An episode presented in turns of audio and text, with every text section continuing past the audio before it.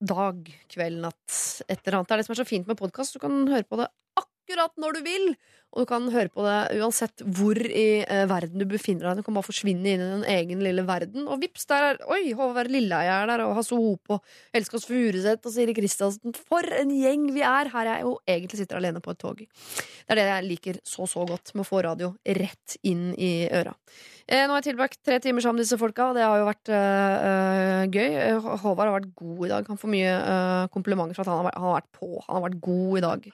Eh, Hasse, Else og jeg vi har vært helt greie. med Håvard han har vært øh, skikkelig, skikkelig øh, god. Og jeg har sett at han i løpet av disse timene Han har vokst, på en måte. Han har tatt i seg all skryt han har kunnet få, øh, og har vokst altså, i høyde og i bredde på smil osv. Godt å se at vi kan hjelpe også internt i hjelpegruppa, eller rådgiverne, som jo da kaller oss hver eneste lørdag.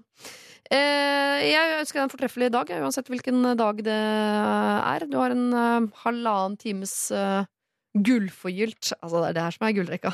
Det er dette som er gullrekka. Ikke si det til at jeg har sagt det til noen, til noen andre i NRK, eller noe sånt. men jeg mener jo det, da. At det er dette som er gullrekka. P3. Dette er Lørdagsrådet med Siri Kristiansen. På P3. P3.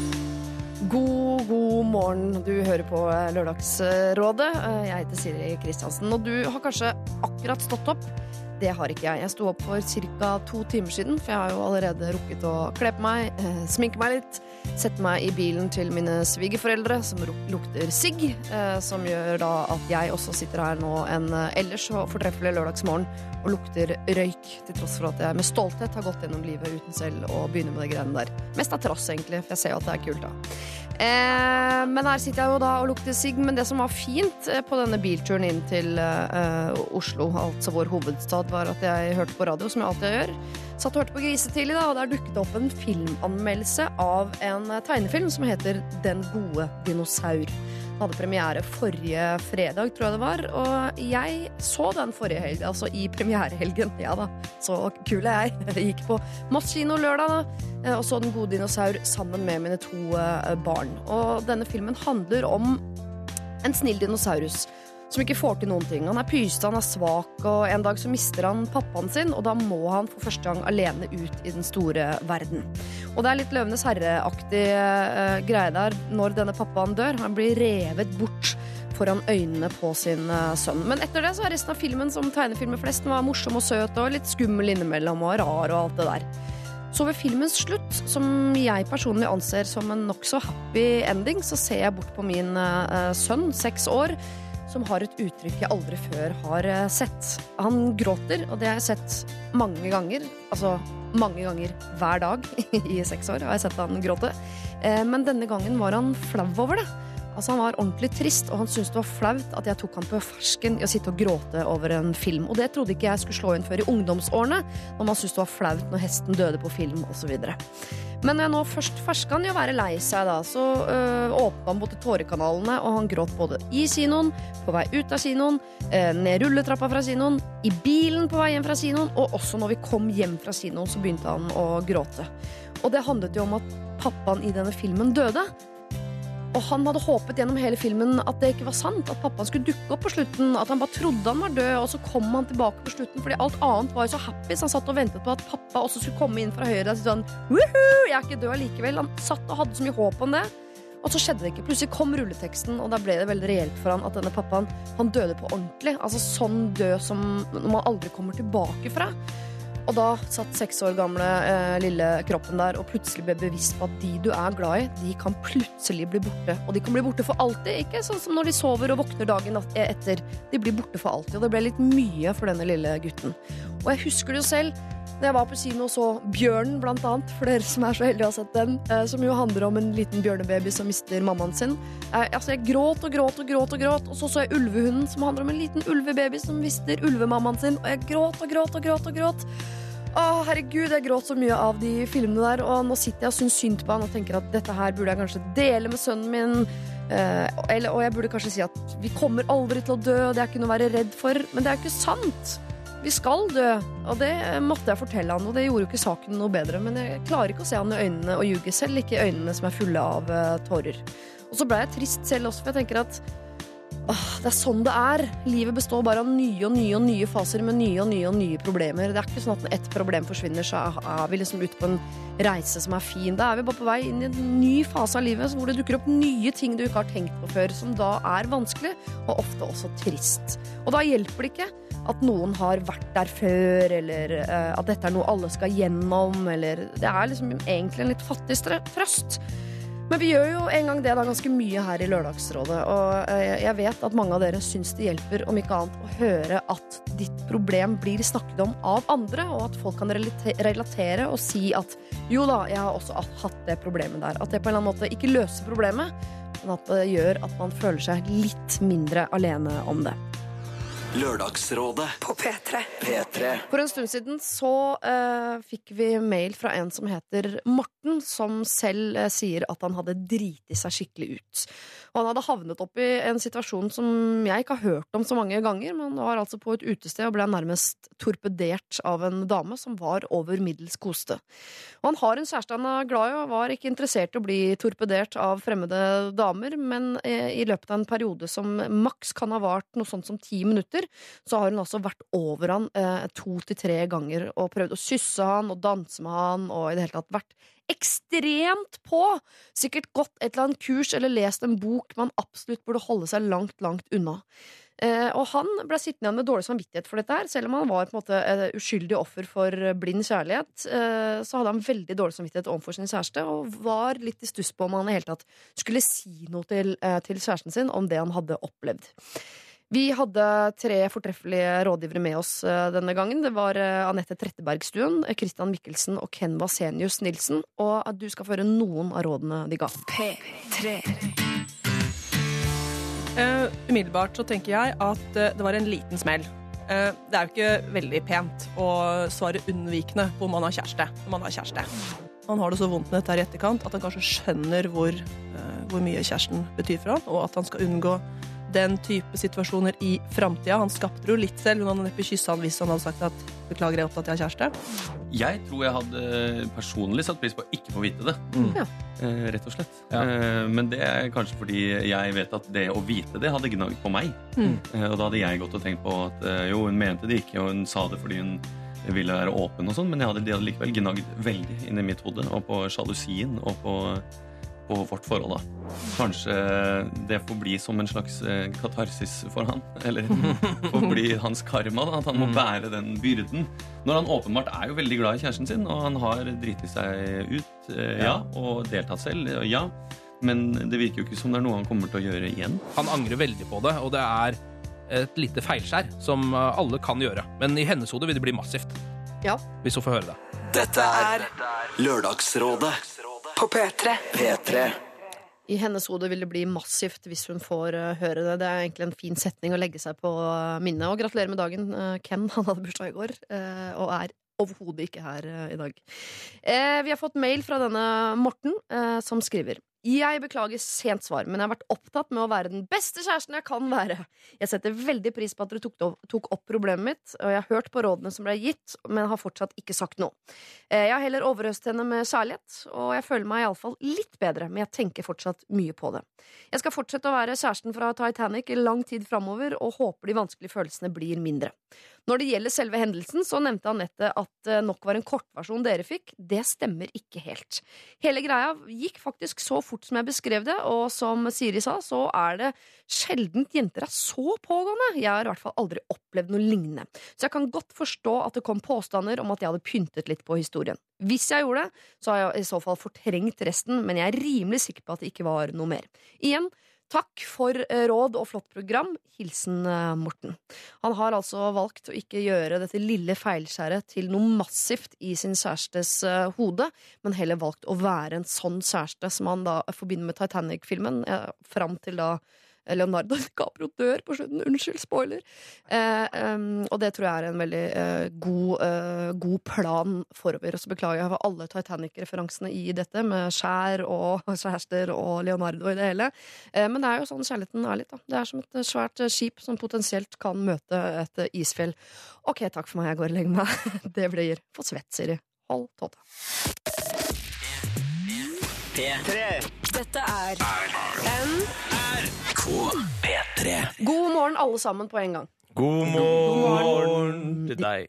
De du hørte her, er altså Else Kåss Furuseth, Håvard Lilleheie og Hasse Hope. For en gjeng! Takk. Ja, takk. Dere skulle ut og spise lunsj sammen etterpå, har jeg allerede plukket opp. Er dere så glad i hverandre? Jeg vet ikke om folk følte det var kanskje litt voldsomt initiativ fra min side. Nei, Det var litt voldsomt, Det var helt Det var hy Nei, bare Nei, jeg syns jo det var hyggelig, men det er veldig sånn in your face. Eh, kan ikke liksom si nei til det. Ja, for det er jo sånn, Vi skal være sammen tre timer, la oss gjøre det til åtte. på en måte Når jeg kommer etterpå, så kommer jeg til å bare gå ned utafor. Kommer til å sette meg på kafé. eh, og så får de som vil, komme. Sånn som noen feirer bursdagen sin. Du holder hoff. Jeg holder Ja, ja. Dere, dere lytter også. Ja. Jeg trodde du skulle si jeg kommer til å gå ned, late som jeg skal på toalettet, og så forsvinner jeg på mystisk vis. Og så uh, utgår hele greia. to, det er de to andre. Det er de to andre som gjør det. Ja, men det blir koselig for deg, da. Eh, har dere det bra sånn ellers? Er det noe Ja. nytt i livene deres hvis du forteller om? Er det noe nytt? Tja, gått ned en kilo siden uh, andre, andre januar. Ja? Ja. Det er veldig fint. Det er, det er en veldig god start. Ja, Ja. Hvit måned. Mm. Har, du, har du helt hvit måned? Nei, jeg hadde hvit måned uh, de første to ukene. Da har du hatt Hvit to uker, da. Ja, riktig. Så det er alkoholen eh, Eller har du trent, eller har du bare spist grønt, eller Jeg har trent og spist grønt. Ja, Mm, så det er kombinasjonen av det. så feminint. Eh, ja, jeg vet ikke om folk vil si at det er feminint, men jeg tar 50 i benken. Ei, ei, ei, ei, ei. Gjør du det? Minst. Ja. ah, ja. ja, for du trener på helsestudio. Eh, ingen kaller det helsestudio siden 1962. Hva heter det nå, da? Treningssenter. Sorry, er det som å si keyboard? Liksom? Bare, bare si gymmen, du, så er du trygg. Mm. Bare stikk, på gymmen? stikk ned på gymmen. Mm. Ja, så går det bra. Ja, men Så bra for deg, da. Hasse og jeg vi jobber samme sted. Oh, ja. en- Det er også noe nytt, da. Det er nytt. Det er litt nytt. Hvor er det? Det er norsk fjernsyn. Ja, ja, ja. Ja. ja Så spennende, da. Ja, det er spennende. Jeg vil bare legge til at eh, Også en nydelig undertekst i hvordan du, hvordan du konkluderte. Er det noe nytt, sa du? Jeg prøver å komme på noe. Kommer til på noe som har med oss to sammen å gjøre. Ja, men alle prøver å sile litt. Grann. Jeg prøvde å holde meg i bakgrunnen her. Jeg silte unna. Altså, siden 2. januar jeg har gått opp og ned 100 kilo. Jeg har fram og tilbake bortover og spist så mye grønt og hatt to-tre hvite dager og alt mulig. Men sitte og prate om det på radioen, det ville jeg aldri gjort. Det er, det å overdrive, mener Det er forskjellen mellom deg og meg. Ja, det er fordi Ydmyk. Else har selvkontroll eh, altså på det verbale. Ja. Mm. Eh, men én kilo er ganske mye, da, når du er Du er jo ikke mer enn 1,20 høy eller noe sånt. Så det er jo Åh, vi er i gang! Det er beinhardt, ass. Skal si noe? Klassisk vits! Jeg Den var god. ja, jeg, må, jeg må prøve når jeg har komiker eh, Men helt alvorlig, altså, jeg syns ikke du skal fokusere så mye på vekt. Det er jeg som fokuserer mer på nå. høyde? På vekt. Men skal jeg fokusere mer på høyde? Mm, legge inn noe støt der. Men uh, dere vil gjerne snakke om at dere jobber sammen, eller eh, på, jobber dere med bare i, innenfor samme uh, Ja, fire vegger? Samme kontorfellesskap. Ja, samme kontorfellesskap. Vi hilser på hverandre, prater i lunsjen. Mm. Ja. Det er ikke mye piss. Ja, Mm. så er ikke, dere kommer ikke et program snart som heter Ho Hope og Lilleheie? Det hadde vært fint. Mm. Sykle Norge på tvers, oh. eller det kommer ikke noe sånt? Eller på langs. På langs, på ja. langs. Ja. Mm. Kanskje. Si fra, da! Ja. Fordi det er sånne ting man kan snakke om på radio. For det, det vært kjempe... Å, jeg trodde du hadde lyst til å være med Nei, nei, på nei. turen. Absolutt ikke. Nei, vi skal sykle tandem. Å ja, nei, at, eh, Hvis jeg kan sitte i sidevogn, så blir jeg med. Sykle, det er ikke noe for meg. Det liker jeg ikke. Eh, status må vi ta en runde på. Det gjør vi alltid, det vet dere. Eh, og dere er en mer spennende bukett enn ofte kommer ramler det folk inn her som er så utrolig etablerte. Ja. To-tre unger og rekkehus og kone på 18 år og sånn.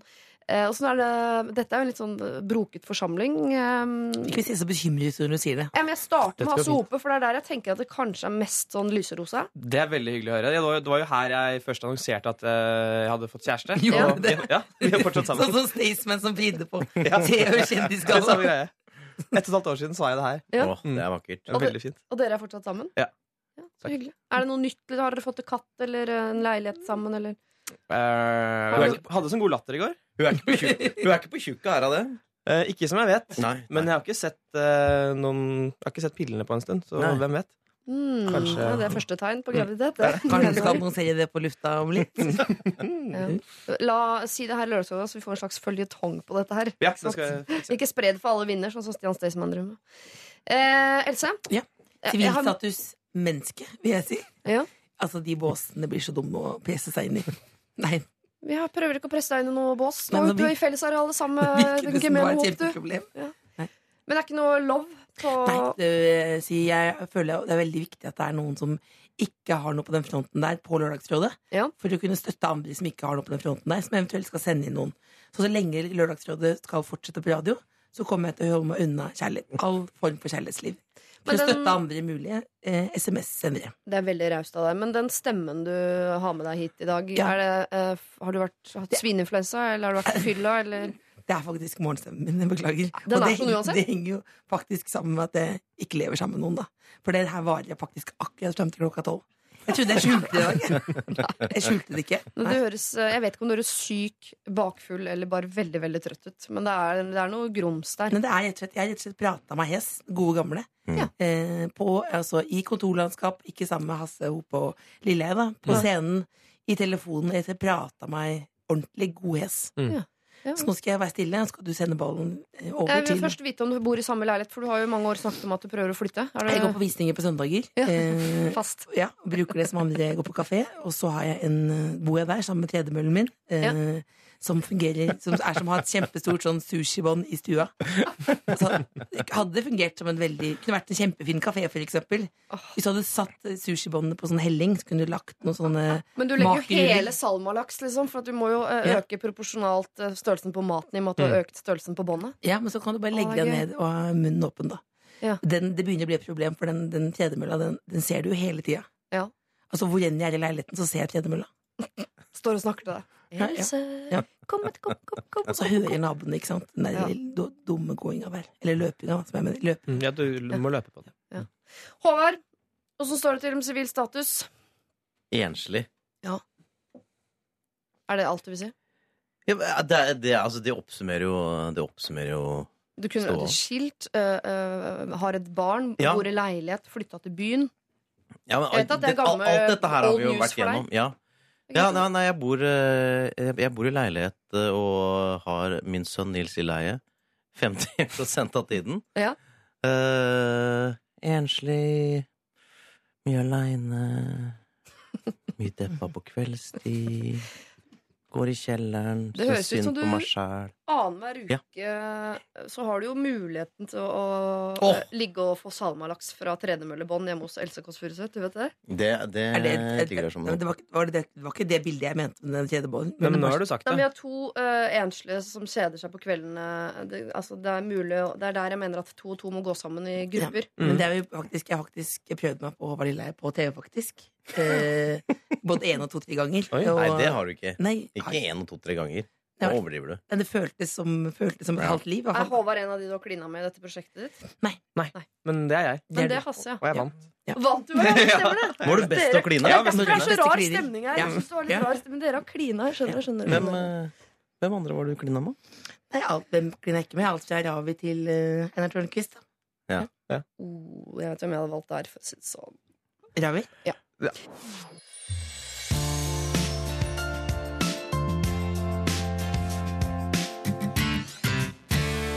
skal hjelpe som heter Kaja.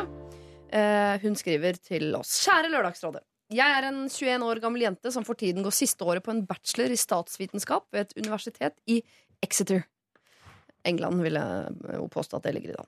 Eh, der trives jeg relativt godt og har trivdes bedre det siste året eh, i og med at jeg har blitt del av en hyggelig gjeng med folk fra kurset. En kveld her forleden, etter å ha vært ute og drukket med denne gjengen eh, etter, etter vi hadde vært på flere barer, så gikk jeg hjem sammen med en av gutta i gjengen som bor rett ved meg. På vei hjem snakket vi om masse forskjellig og endte opp eh, med å bli med inn hos han for å høre på noen musikkgreier han hadde laga. Det endte opp med at vi lå og pratet til klokken syv om morgenen. I dagene etter var vi både hjemme hos han og, og på en mer ordentlig date og hadde det kjempehyggelig. Han studerer også statsvitenskap og er like politikknerd som meg. Riktignok er han konservativ, jeg stemmer SV, men det gjør det hele egentlig bare veldig morsomt og spennende, og vi har fine debatter, noe som jeg elsker. Det er få som orker å diskutere med meg ellers. Vi har nå møttes alene sammen fem ganger, og jeg har det helt fantastisk morsomt når jeg er sammen med han. Vi kan snakke om alt mulig, det er aldri et stille øyeblikk, og han får meg alltid til å le. Høres det bra ut? Ja, men det er et par problemer. For det første, Og det viktigste på dette tidspunkt. Denne fyren er ikke akkurat kjekk. Jeg vet at utseendet ikke skal spille noen rolle, men jeg klarer ikke å unngå å tenke på det. Når jeg er ute med han eller ser han i forelesninger, så klarer jeg ikke å unngå å bli litt flau. Spesielt flau blir jeg av tanken på å skulle fortelle andre gjengen om dette. Alle ser at det er en åpenbar forskjell i utseendet på oss to, og så har eh, han kommentert det flere ganger. Da jeg fortalte en annen venninne om dette problemet for å få litt hjelp, så begynte hun bare å le ved tanken på at det var noe mellom meg og han, og kom med kommentaren 'Han er ikke så stygg, da', men det er jo ikke akkurat et kompliment. Så dette med utseendet det plager meg virkelig, og det er det som gjør at jeg, hver gang vi ikke er sammen, bare oss to, så er jeg veldig usikker på om dette er noe å fortsette med. Hilsen Kaja. Altså, Kaja er forelsket, hun. Ja. Men uh, hun er for stygg til å, å på en jeg- måte stå for det i offentligheten. Kan jeg få bryte inn Ja. med en gang? Absolutt. Hun høres jo ikke særlig forelska ut, da. Og hvis jeg hadde vært han gutten og hørt det, så hadde jeg tenkt sånn Vet du hva, Kaja kan ikke jeg være sammen med. Du kan Ja. ikke skri si på radioen at den du dater, er stygg. Det kan Hvorfor du ikke gjøre. Jeg blir personlig indignert jeg, på hans vegne. Du kan jo ikke si det. Ja, men, ja, Og vi har snakket om Det kan du ikke gjøre. Eller er jeg, er jeg for naiv nå? Jeg Nei, altså, sånn- hvis, hvis dette var, nå skjønte jeg at dette var i England, og det er sikkert en engelsk mann. da Ja, ja. Eh, vi, I så fall så kommer han ikke, han, han kommer ikke til å høre det her. Og da føler jeg at det er helt greit. egentlig. Jeg blir så mye gråslapp av, du baksnakker. Det er ikke noe Ja, ja, ja. han altså, Jeg blir Dette er ikke en Det på en direkte konfrontasjon, det er baksnakking. Det er bare å sulle okay, seg inn i det. det er konseptet. Ja. altså, jeg, jeg, har litt, jeg har en erfaring med det der. Ja. Uh, Hvilken fart var du? Ja, Pene ja, eller det er stygge? mitt. Eh, det, det blir feil å si. Ok, nei, altså Jeg kan si det fordi dette er en person som verken er norsk, og som bor nå i utlandet, og som aldri kommer til å høre det her. Uh, men da fikk jeg også sånne kommentarer fra folk, fordi jeg var veldig forelska i henne. Så jeg «Nei, men hei, nå har så skeive tenner, hva skjer med deg, da? Og så syns jeg det egentlig bare var kult. At liksom, ja faen, jeg, jeg driter jo i det. Og fikk en sånn stolthet av at nei, faen, det, dette er jo min greie. Det har ikke noe å si hva, hva de tenker.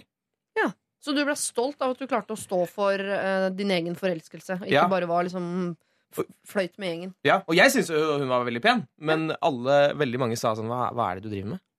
Hun var, hun var sånn styggpen, som de sier. At hun var mer sånn typete. Kanskje det. Mm. Det var som noe Masse karakter. Du lærte Jeg er deg litt ikke. overraska over at, eh, at, at hun er så overflatisk siden hun er på venstresida av politikken. Mm. At det går jo ofte ikke hånd i hånd. Men, Nei. eh, Nei, de det, er ofte det, veldig det er litt skuffende. Du skulle jo tro at eh, litt sånn fellesskapsorientert, og at eh, alle må få sånne ting. Men hun er 21 år gammel, og da er det ofte at man ikke helt har kommet dit at eh, selv om jeg mener noe veldig sterkt, så kan jeg stå for det i alle mulige sammenhenger. Mm. Det er jo en uh, reisemann. Og hun er, hun er jo i Det er jo en litt usikker alder i livet, da, Else. Absolutt. Ja, ja, dette var ikke ment som kritikk. Jeg bare jeg tenkte faktisk konkret på hvis han hørte dette på radioen. Ja. Eh, og så, eh, jeg, så fikk jeg litt vondt av Jeg syns det var liksom litt trist, fordi hvis vi liksom tenker på det hun skrev, så hørtes det ut som den perfekte filmen. Hun er i England, eh, vært der i to år, 21, uforpliktende, studerer det hun elsker, møter han. Og det hørtes ut det hørtes ut som det bare skulle være én kveld, men så har det vært fem kvelder. Og det virket jo som hun gleder seg til å møte han igjen. Så hvis man skal se litt ordentlig på det, så virker, høres jo hun forelska ut. Ja. Eh, rett og slett. Men så er det det med at eh, Og selvfølgelig, man skal ha den, ta den følelsen på alvor dersom hun syns det er flaut å være sammen med han. Men samtidig så eh, det må på en måte, Er det noe andre føler, eller er det noe hun føler inni seg? Det er vel noe man på en måte må prøve å definere. da At han eh, Er det andres på en måte forventning hun kjenner på, eller er det hun selv som egentlig skulle hatt en kjekkere kjæreste? Jeg tror det er litt andres forventning. For det, det syns jeg er litt underteksten som kommer der etter hvert òg. At eh, hun hadde fortalt det til en venninne som Mm. hadde ledd. Altså Hun er opptatt av hvordan omgivelsene skal ta det. At han ikke er eh, sånn vanlig kjekk, da. Ja. På den vanlige måten. Men noen ganger så er det sånn at de eh, som kan se litt sånn rare ut når de er 21 så Hvis du holder ut med dem, så har, kan de sånn utseendemessig på en eller annen måte vokse på seg en fin karakter. Kan jeg si det? ja. Ja. Ja, det, men det mener jeg på alvor. Else. Er det ikke en myte? Nei, det er ikke en myte, det! Nei. Absolutt ikke en myte. Absolutt ikke en myte. Det er mange Men- sånne late bloomers Ja, er når det gjelder uh, Ja. hvordan du ser ut. Det er verre med de som var skikkelig søte som babyer, og så går det downhill from there. Ja, det er så ille, det. Jeg pika i tolvårsalderen. Jeg, jeg var så søt. Eller elleve, rett før jeg klippa meg kort. Mm. Altså, det var helt Altså, det var virkelig noe av det søteste du har sett. Ja. Ja, ja, ja. Jeg pika før jeg lærte meg å snakke. Ja. Så, Ettårsalderen, da. Ja. Men, det, men hun må vel på en måte kjenne etter om hun, eh, om hun eh, på en måte tenker på han og vil møte han igjen, så er det vel nesten litt sånn umulig å stoppe det, er det ikke det? At liksom kjærligheten er Har de ligget sammen? Nei, jeg, Jeg vet Fem ikke. ganger. Hvis de har møtt fem ganger, du skal gjøre det tredje eller fjerde gangen. Ja, de må ha ligget sammen. Skal. antageligvis. Men Hallik. Gamle hallik. Men det er jo irriterende dette her, fordi eh, man liker jo å si at utseendet skal ikke ha noen ting å si. Men så uh, plutselig så opplever hun da å være forelska i en fyr som hun syns det er flaut å, å si høyt til andre mennesker. Fordi hun Jeg er ikke så sikker på om Kaja selv syns at han egentlig er så stygg. For når man begynner å bli glad i folk, så syns man jo eh, Hun syns sikkert han er eh, en kjekk fyr, men hun oppfatter han jo som en fyr i gjengen og miljøet som ikke går for å være han hotte. Og så tør hun ikke å stå inne for at hun har blitt forelsket. Jeg synes, bare synes det er rart, hvert fall Når man studerer politikk, så, er det jo, eh, så trodde jeg at hun skulle ha mer av den stolthetsfølelsen som du hadde, har opplevd, Hasse. På at sånn Følg med nå, jeg har tatt mine skikkelig egne valg her. mm. Jeg at hun kan prøve å liksom nære den følelsen der litt. At hun virkelig liksom øh, Følelsen av å stå for noe, da. ja. Den fyren her er jeg forelska i. jeg føler. Men så er det vel litt sånn at hvis øh, Det er jo litt sånn hvordan de to har det sammen. Det, det, da, hvis de har det bra, så øh, da tror jeg at da vil det måtte ordne seg. Og så tror jeg man kan, siden, siden hun er 21 år gammel, da, så kan jeg si en litt sånn klisjéting at det er jo et veldig utseendefokus i 2016. Er det, litt, det er jo mer enn nå enn før, er det ikke det? Eller? jo. Jo, jo, jo. Ja. Det var mye, mye på 1200-tallet òg, men ja. Men- Ja, det var det. Var det. Ja. Da, sk- Rubensk tiden. Men utseendet har, jo, utseendet har jo noe å si òg, når vi velger oss partner. Jo, Ja, men det skal for- ha noe å si i altså, forhold til for- at du skal tenne på det. Men det skal ikke ha så mye å si om de andre syns det du har falt Nei. for, er det, burde, det skal ikke ha Nei, noe å si, men mener hun, hun sier jo også, nå snakker jeg litt mot meg sjøl, men hun sier også et eller annet om at når hun kom Når hun ser den på forelesninga, så føler hun et eller Så annet blir hun flau. Så blir hun flau. Det er, Men det er, blir litt- det er, da ble jeg litt sånn trist på hennes vei nå, Ja. selvfølgelig. Eh, men Men altså, jeg, jeg tenker at dette er jo på en måte vennene som har Det er de som har skapt det problemet her. Det er egentlig de som burde sendt inn til Lørdagsrådet og sagt faen, vi er ræva venner. Vi sier at uh, venninna vår sin type er stygg. Hva skal vi gjøre? Hun her er jo bare glad i en fyr og burde bare gønne på. Nei, egentlig burde Kaja uh, være den som sender inn, som hun er, men sier at uh, jeg har blitt forelska i en fantastisk fyr, men vennen, vennene mine er så Ja. Skal jeg ditche vennene mine? Ja, Mm. fordi uh, de dømmer han på utseendet for en ræva gjeng. Hva skal jeg gjøre? Mm. Burde vært problemet. Elsk den du vil. det er sterkt. Det er veldig fint. Det er, det er faktisk akkurat, videre det her skjedde, akkurat dette skjedde jo med Charlotte i Sex and the City. En gammel referanse, jeg vet det. Ja. Hun møter jo en skilsmisseadvokat i skilsmisseoppgjør med mannen sin. Nå hører jeg at jeg snakker om dette som det er ekte liv, men det er, det er en Dine dokumentarserie. beste venner. Dokumentarserie fra New York. og da Det er faktisk min beste venn. Eh, og da er hvert fall hun, hun, hun, hun har samme problemet, da. Kort fortalt, da. Ja. Så går det veldig bra. Så Kaja er ikke alene, er det det du Ja. prøver å Charlotte hadde det helt likt, Ja. og det endte veldig godt. Så det kan gå an, ikke sant? Ja. Det ser Ja. du. Men hvis Kaja selv Nå får jeg ikke egentlig inntrykk av det, men hvis Kaja selv eh, ikke faller for hans utseende. Hun syns det er vanskelig å kysse han, for hun tenker sånn uh, helst Ja, men- ikke. Det, det tror jeg ikke kan være tilfellet. Altså, da er det jo Du kan ikke være sammen med noen du ikke klarer å kysse fordi du, ikke, fordi du syns de er stygge. Hun er jo ikke sammen med han. Nei, nei, nei, nei. men Nei. De er mye sammen, da, men det er ingen som veit om det. Nei. Nei. Men har hun Jeg føler at det, Hvis hun klarer å få Nå skal jeg ta litt sånn kynisk sett. da. Mm. Hvis hun klarer å få eh, en slags Makeover? Nei da. på han. Altså, hvis hun bestiller en kirurg hvis, Nei. Men, men hvis, eh, hvis liksom det nære seksuelle og sånn kan uh, fungere, og hun kan ha det bra med det, da tenker jeg at det er topp. Men hvis det er sånn at han ser og føles så rar ut at intimitet er problematisk, Ja. Da ville jeg kanskje vært litt forsiktig, for det er jo en liksom bra base i et forhold å ha. Litt viktig. Eh, så jeg tenker at skillet kan gå litt der. At hvis hun tenker er det bare omgivelsene, kan jeg liksom trekke han her eh, inntil meg og føle seg at det er helt topp. Eh, da er det bra. Men hvis han fysisk og utseendemessig føles så rar for henne at det kommer i veien for en eller annen eh, opplevelse, Mm. eh, da tenker jeg kanskje vi ville gått videre. Jeg må si jeg identifiserer meg mest med han andre parten her. eh, Han som er English.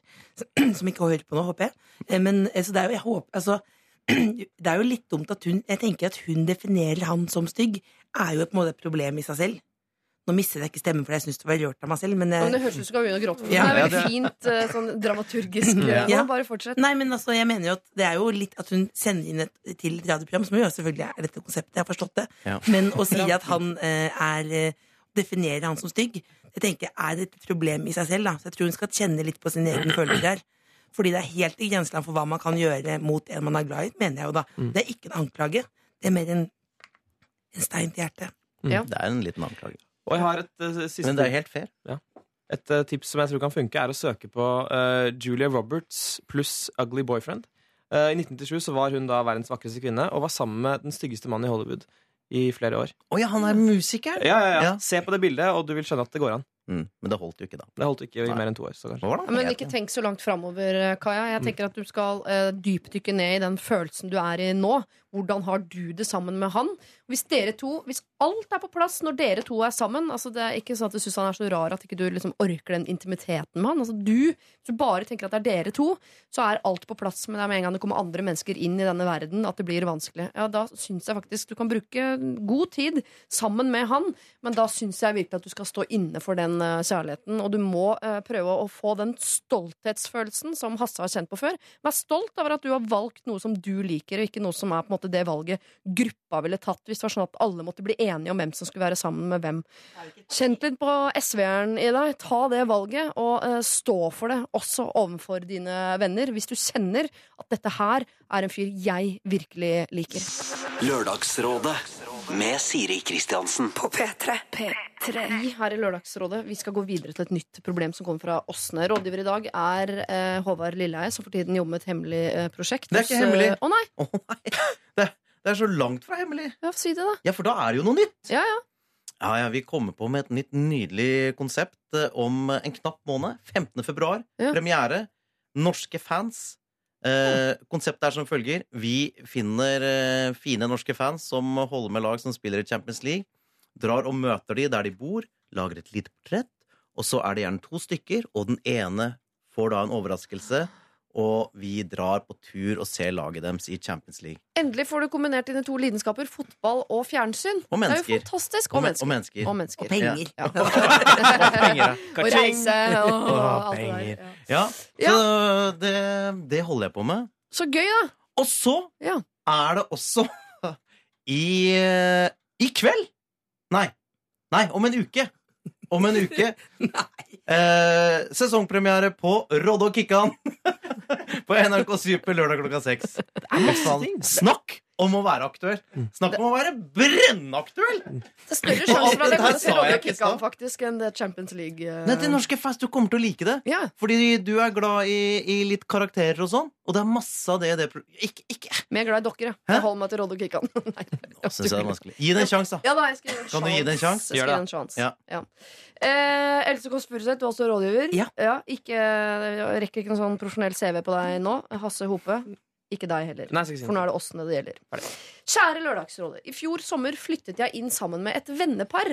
Etter flere måneder på leilighetsjakt fant vi endelig drømmeleiligheten. Mannen i huset, la oss kalle han Ola, har siden eh, vi flyttet inn nevnt at han ønsker seg en liten godstol i det ene hjørnet av stua vår. Ved siden av den nokså store hjørnesofaen som står der fra før. Jeg har tenkt mitt om den saken, da stua vår ikke er så altfor stor. Da vi kom tilbake fra juleferie i år, begynte Ola nok en gang å prate om denne godstolen. Vi må jo ikke glemme at det tross alt er Ola sitt hjem like mye som mitt. Her en dag var jeg og Ola rundt i diverse møbelbutikker og kikket litt. Plutselig kom han over en lenestol som virkelig oppfylte alle hans krav, og vel så det. Men den ble rett og slett for dyr for en students lommebok.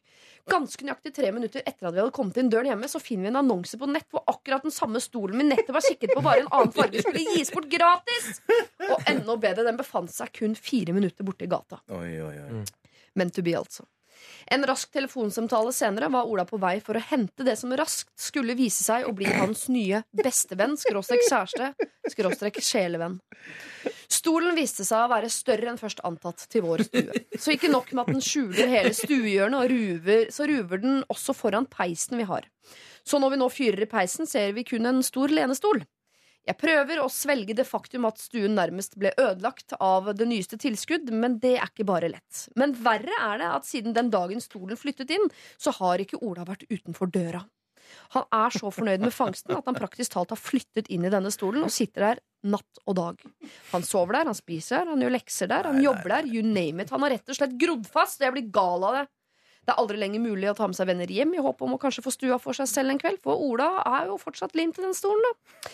Verst av alt er kanskje alt rotet som hoper seg opp ved at han gjør alt i denne stolen, og ikke kan jeg fyre i peisen lenger heller, fordi stolen jo blokkerer for alt. Blir det for drøyt av meg å si fra om at han må komme seg litt opp av denne stolen? Det er jo Ola sitt hjem også, Åsne. Jeg bare minner om uh, her nå at Åsne er ikke kjæresten til Ola. Uh, Åsne er venninnen til Ola og kjæresten. kjæresten. ja. Som jo ikke blir nevnt egentlig annet enn i, i inngangen til dette problemet. Oh, ja, for det er ikke hun som Så hun kan ikke vite akkurat hvor mye. Hun er det ikke hele tiden. Jo, de, hun bor der, hun også. Mm. Men dette bare høres ut som sånn man irriterer seg over typen som er grodd fast i en stol. Oh, ja, for det er et par og Åsne som bor sammen. En komplisert bosituasjon. Beklager at jeg er så tungnem. Det er pizzagjengen, på en måte. Det er pizzagjengen. Ja, det er fint. Ja.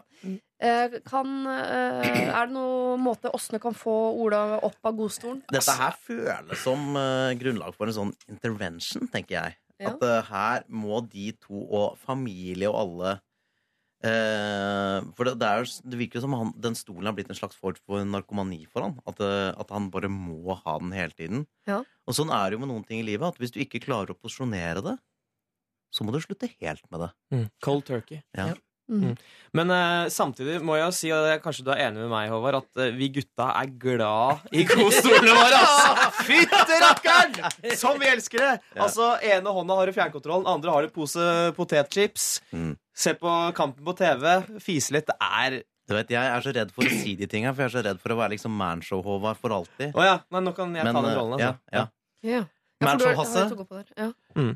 Men det er jo vel et todelt problem her. Det ene er interiørmessig, og det andre er er denne stolen et symbol på at Ola mangler noe annet i livet. At det er en trygghet.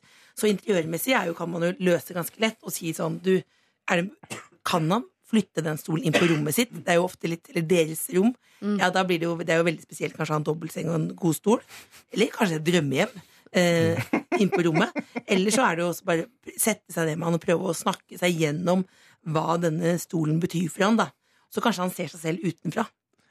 Jeg så for meg så veldig han Ola i Når du leste opp. Det er ikke alltid jeg klarer å å klare sånn empatisk sett sette meg inn i alle. Men han, han fyren her så jeg veldig sånn for meg.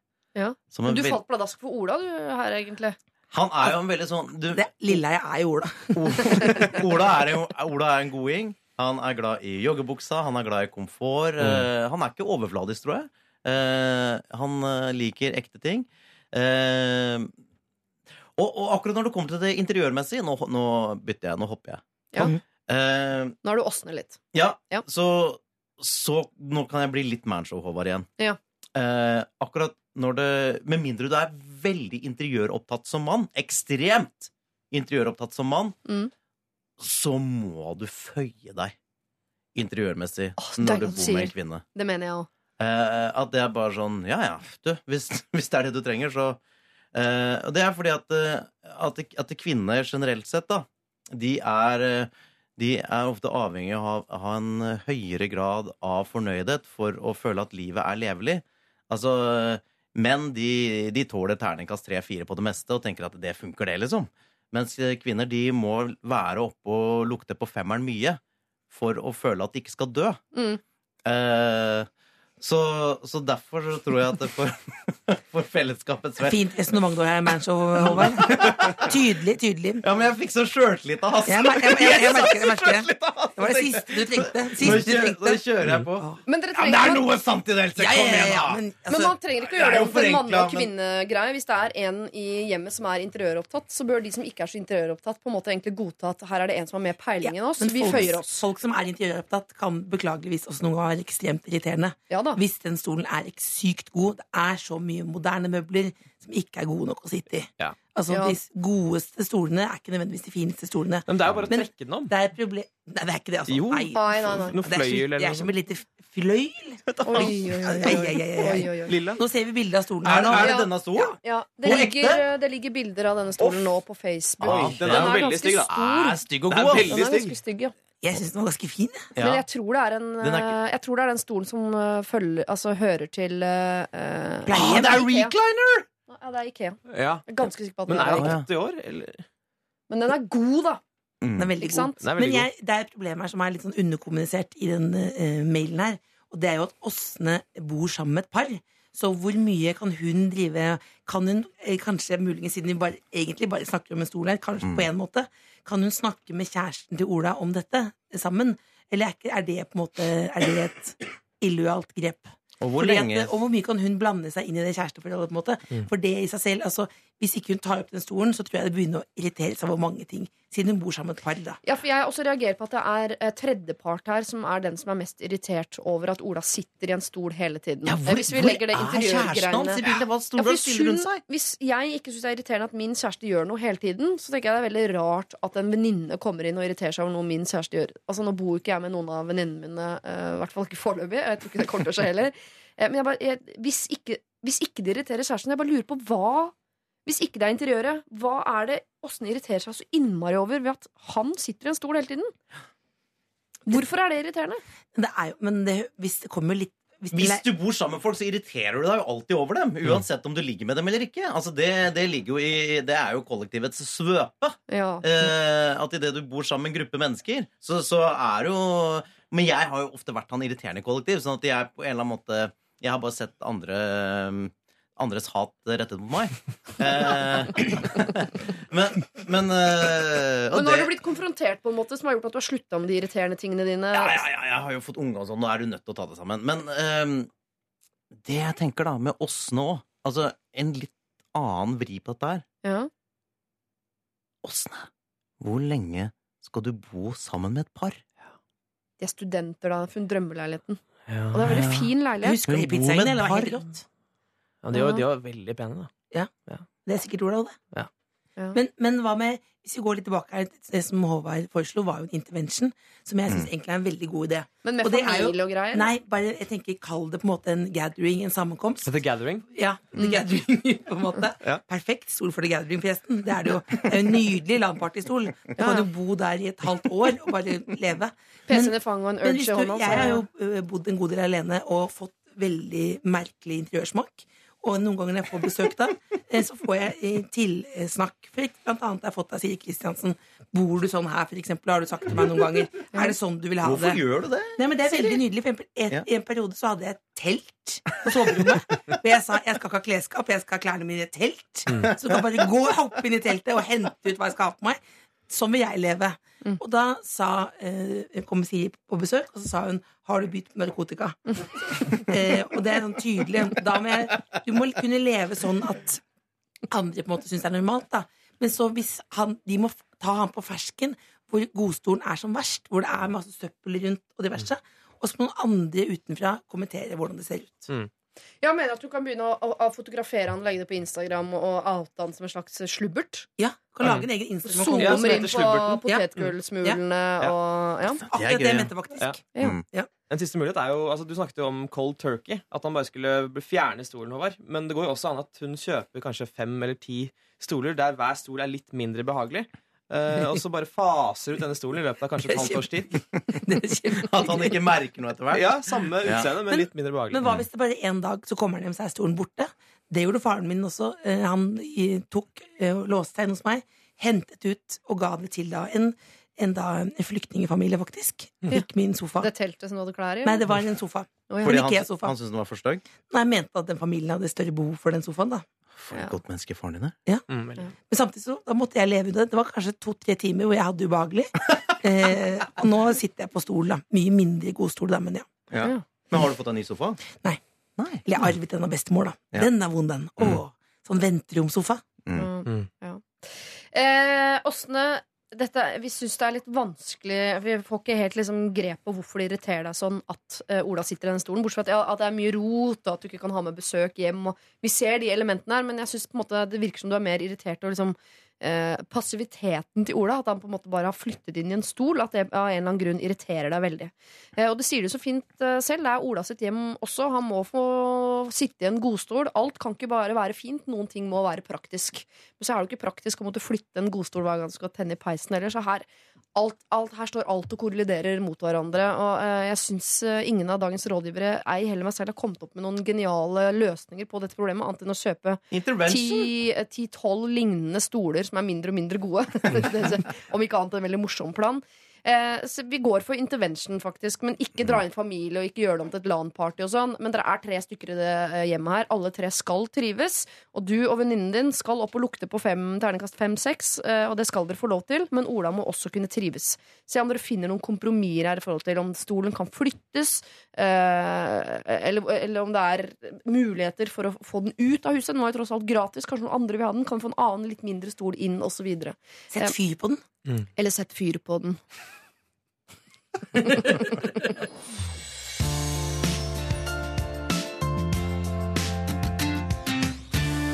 Faster The People eh, var det. eh, Pumped Up Kicks. Og før det Martin Solberg sammen med GTA Intoxicated. Jeg får liksom øvd på å si eh, hva artistene heter og sangene og sånn heter. For Harald, Harald Eia, som du heter. Håvard Lilleheie. Det er nesten samme. Spør eh, hele Hver eneste låt du spiller, så spør du Hvem er dette, da? Hva heter den låta, da? Ja. Er du musikkinteressert, Håvard? Litt, eller? Nei, jeg har liksom eh, Det, det som jeg føler har skjedd, da eh, Etter at eh, livet har fart med meg som det har, så har jeg liksom mista musikken litt. Ja. At jeg var sånn Før så hørte jeg på masse musikk hele tida. Eh, og så har liksom musikken forsvunnet for meg, og så prøver jeg å finne tilbake til den. Prøv å hekte deg Men på hva rett er og det som er slett. oppi dette vannet i den mugga deres? En flue. Eh, s- Det er Sædceller? Det er noe masse rare Er det Det beklager jeg. Nei, det er ikke, jeg, det er ikke intensjonen min at det skulle være grums i vannet. Så hvis det er noe der, så er det, uh, Det er mye fremmede, fremmede objekter. Men jeg skal finne, jeg skal finne tilbake til musikken. ja, Det er mitt eh, 2016-prosjekt. Ja, så fint. Uh, vi skal uh, hjelpe en gutt som har et eh, problem som jeg eh, vil påstå er eh, av den vanskelige sorten. Eh, han eh, skriver her eh, Hei, jeg ønsker å være anonym, men dere kan godt kalle meg André. Så da gjør vi det. Mitt problem er at jeg er forelsket i søsteren til min samboer. Litt om meg og min samboer. Jeg er en mann som har samboer-kjæreste eh, som jeg har fått barn med. Jeg og min samboer eh, har hatt store problemer i forholdet vårt, og flere ganger har det nesten blitt slutt. Men jeg har ikke lyst til å gå fra henne fordi jeg har et barn med henne, og jeg har ikke samvittighet til å gjøre det slutt eh, på grunn av barnet. Vi har kjøpte oss en helt nybygd eh, leilighet for en stund siden, og dette gjorde jeg fordi jeg ønsket å ha felles interesser og kanskje få et bedre forhold oss imellom. Men det har ikke fungert, og vi har splittet oss enda mer. Nå har det gått så langt at jeg ikke lenger føler at vi i det hele tatt er kjærester, men at vi bare bor sammen. Litt om eh, mitt syn på søstera, da. Hun er en jente som jeg har kommet veldig godt overens med. Helt siden jeg møtte henne første gang. Jeg har alltid syntes hun har vært pen, og da hun fortalte meg at hun var forelsket i meg, ble mine følelser for henne mye sterkere. Nå har vi rota i snart fire måneder, og jeg har det så bra sammen med henne. Det føles som om hun er dama i mitt liv, og jeg har aldri hatt den følelsen med noen, men nå vet jeg jo hvordan det kan føles. Dette eh, er det jeg plages med og ønsker svar eller hjelp eh, med. Og jeg vet ikke om jeg kan fortsette å bo sammen med min samboer og fortsette å være en god pappa for mitt barn, som, er så heldig, eh, som er så heldig å ha foreldre som fortsatt bor sammen. Jeg vet ikke om jeg noen gang kan bli i lag med søsteren hennes, for jeg kommer til å bli hatet av hele svigerfamilien og min da tidligere samboer. Jeg er også veldig redd for at hun skal bli gal og nekte meg å være sammen med barnet mitt. Det er min største frykt. Ok. eh, la meg oppsummere. Men, er, men, han, han driver og ligger med søstera? jeg, jeg har ikke sagt ligge, han har sagt rote. Ja, det er det samme. Oi, oi, oi. Ha, det dette eskalerte. Dette er Wow. Ryan Giggs-problematikk. Ja, det er Ryan Ok, Okay. André bor i nybygd leilighet med eh, eksen slash kjæresten. Det er kjærester fortsatt. De er jo liksom ja, De er i hvert fall samboere, da. Med felles barn. sammen. Og felles barn. Samtidig roter han med søsteren hennes. Og Og det er, henne han vil ha. Og da må det, jeg vet at Her er det mye tabuer, men livet legger seg ofte i feil rekkefølge. Det er jo ikke sånn at brikkene faller ned der de skal nødvendigvis.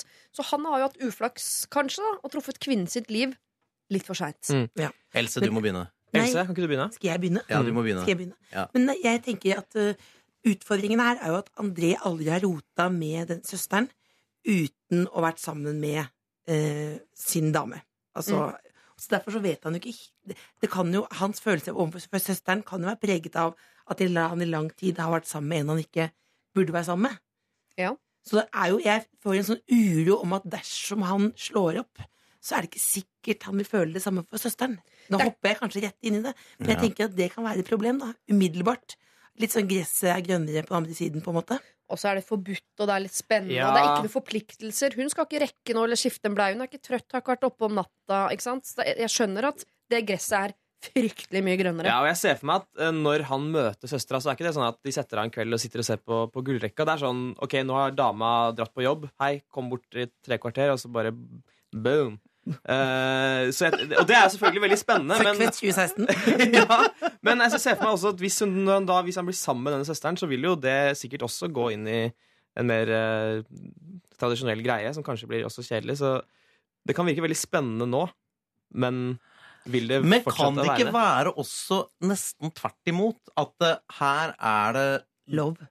to folk som er veldig glad i hverandre, Mm. Og de har, jeg håper jeg da, kjempa imot.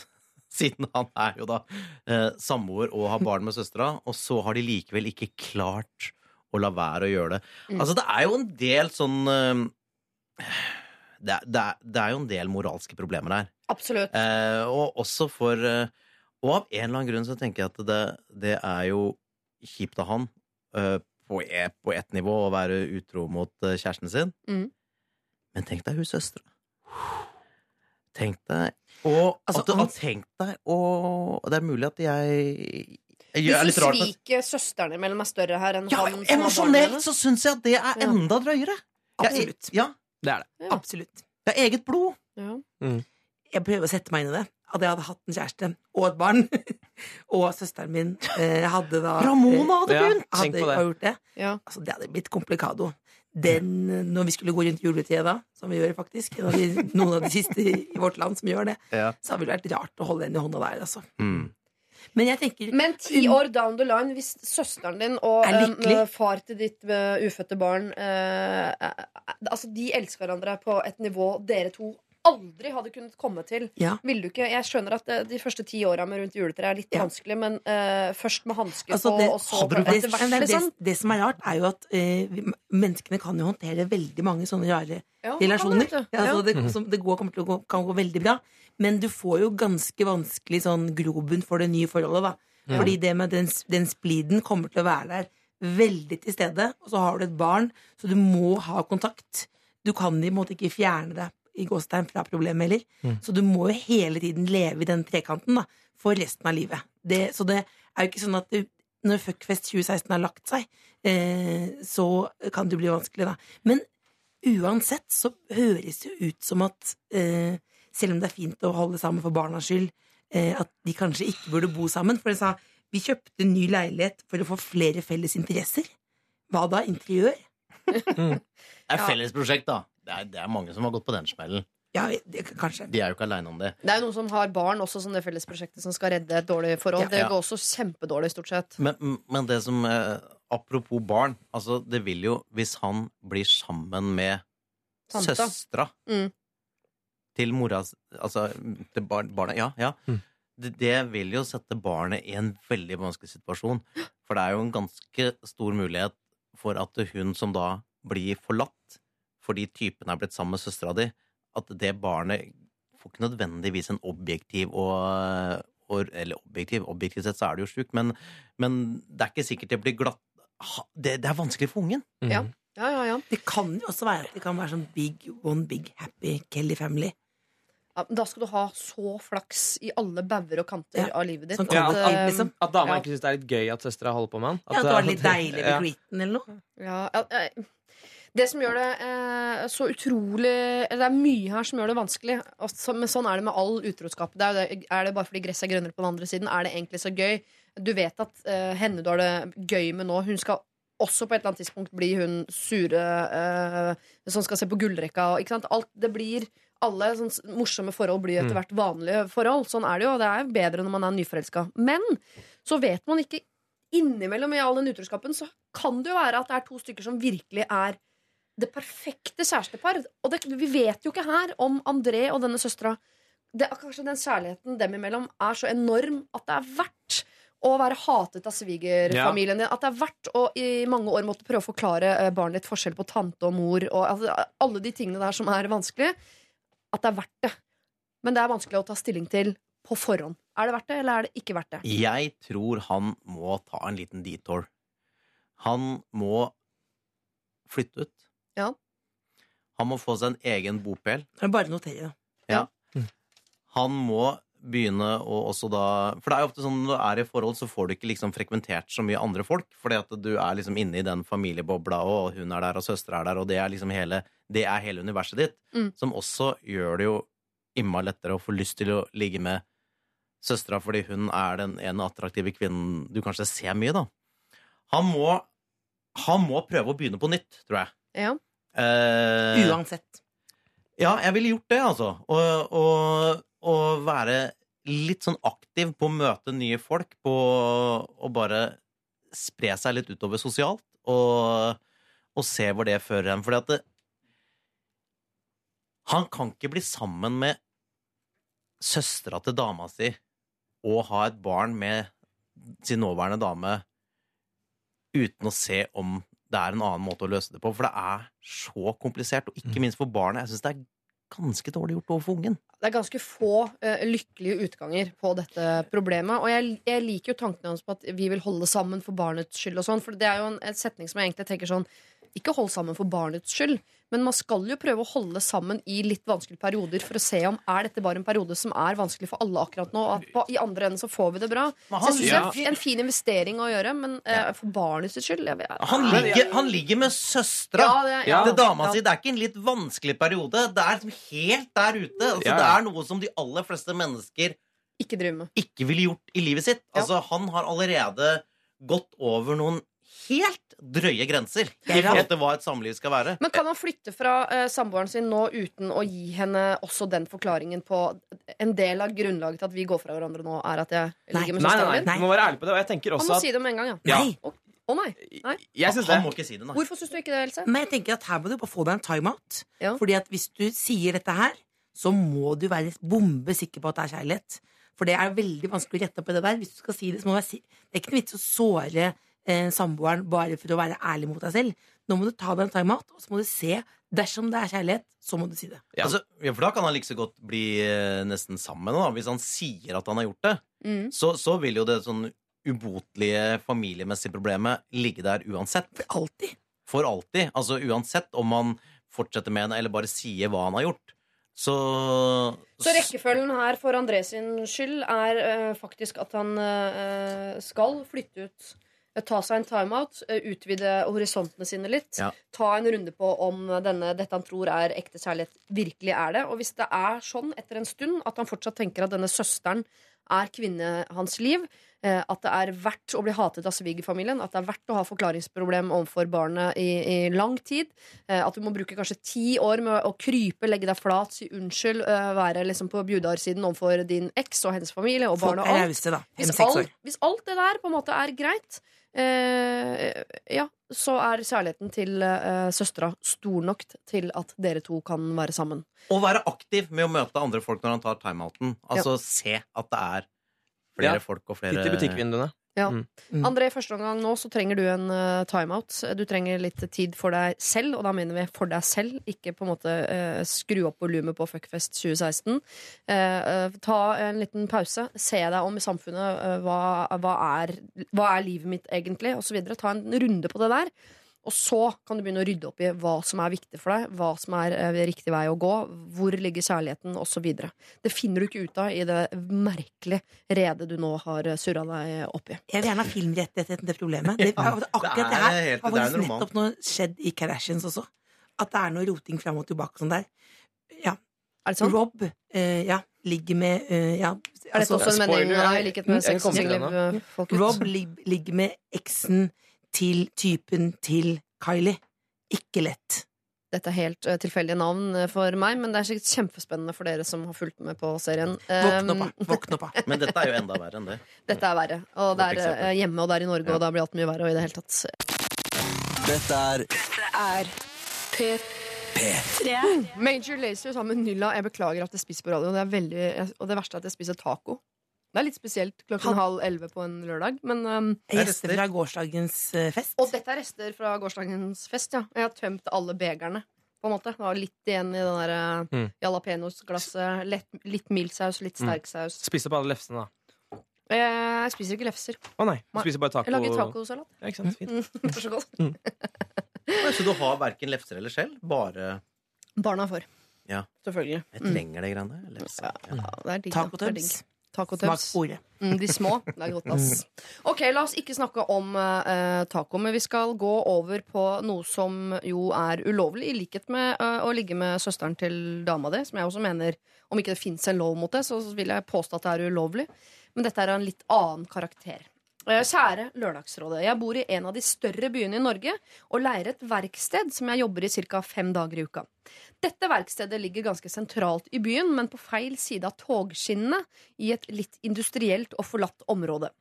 For å komme meg dit må jeg altså gå en ekstra kilometer bort til sentralstasjonen, krysse togskinnene der og gå tilbake.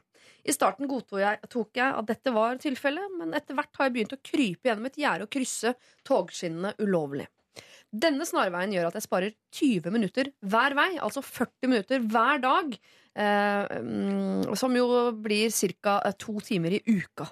Mitt spørsmål er hvor alvorlig er dette egentlig? Jeg har god oversikt der jeg krysser, og det er jo like før sentralstasjonen, så alle togene som kommer, har allerede begynt å senke farta. Men eh, det står også parkert tog i området. Det hender at togarbeidere eh, går rundt omkring, og jeg vet ikke hva som skjer om jeg blir tatt. Til våren kan jeg begynne å sykle igjen, men inntil da er det så ille å snike seg forsiktig over togskinnene om ingen ser meg? Er så frustrerende å gå rundt. Med vennlig hilsen Rolf. Mm. Jeg må bare melde meg ut av dette problemet da jeg har uh, personlige interesser i NSB. Eh, og kan ikke stå inne for at folk krysser uh, toglinjene. Har vi ikke alle det, på en eller annen måte? Ja, vi har det. Vi er jo litt der. Ja. Jeg tenker at For meg er dette en, en no-brainer. Uh, det er utrolig spennende å gå over togskinner. Du føler du er med i en slags film. Mm. eh, der du når som helst kan bli, uh, henge fast i, i skinnene. Du hører toget komme ding, ding, ding, ding, ding, ding. Eh, og du, altså, adrenalinet pumper. Kommer jeg meg unna her? Kommer jeg til å dø? Kommer jeg ikke til å gjøre det? Du klarer akkurat det siste liten å rive deg unna og har en kjempekul opplevelse å fortelle gutta. Det er, og du sparer 20 minutter. No-brainer. men da kan, de, Hver dag. 40 minutter hver da kan noen fortelle den, om den opplevelsen i begravelsen din, da. For eksempel. Det, er jo, det eneste du sparer, er jo to timer nærmere din egen begravelse. Mm. Altså, dette er jo farlig, rett og slett. Ja. Jeg har lest så mange historier om folk som har mista beina på togskinnene. Ja, men hvis du har oversikten Ja. Hvis du hadde oversikt begge veier Jeg er en snubler. Jeg tenker Det er jo en grunn til at han sender inn problemet også. Det må jo være litt farlig. Begynt å senke farta, av det si da?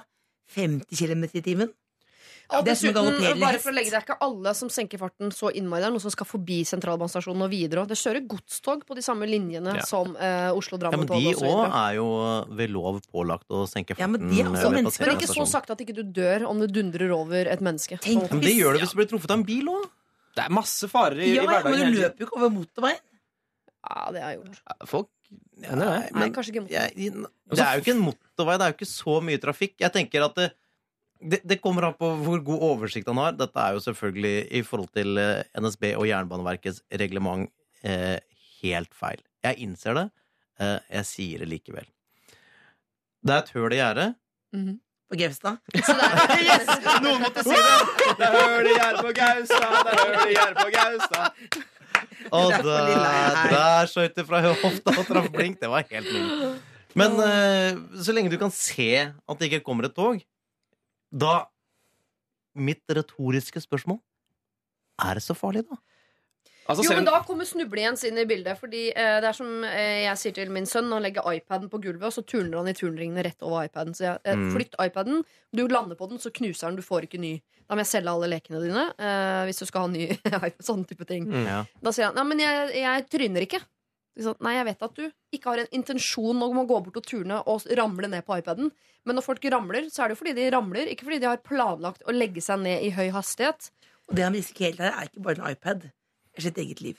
Det er det. Sitt Ja. eget sosiale medieliv også. Ja. Ja, men tenk litt på lokføreren også, som kanskje eh, en dag dreper Rolf fordi han skal spare 40 minutter. Og så eh, Ja. får han det vanskelig. Ja, men risikerer man sitt eget liv hvis man er ved et sted der togene setter ned farten, i hvert fall noe, man har god oversikt, og Mhm. man kommer seg over jernbaneskinner?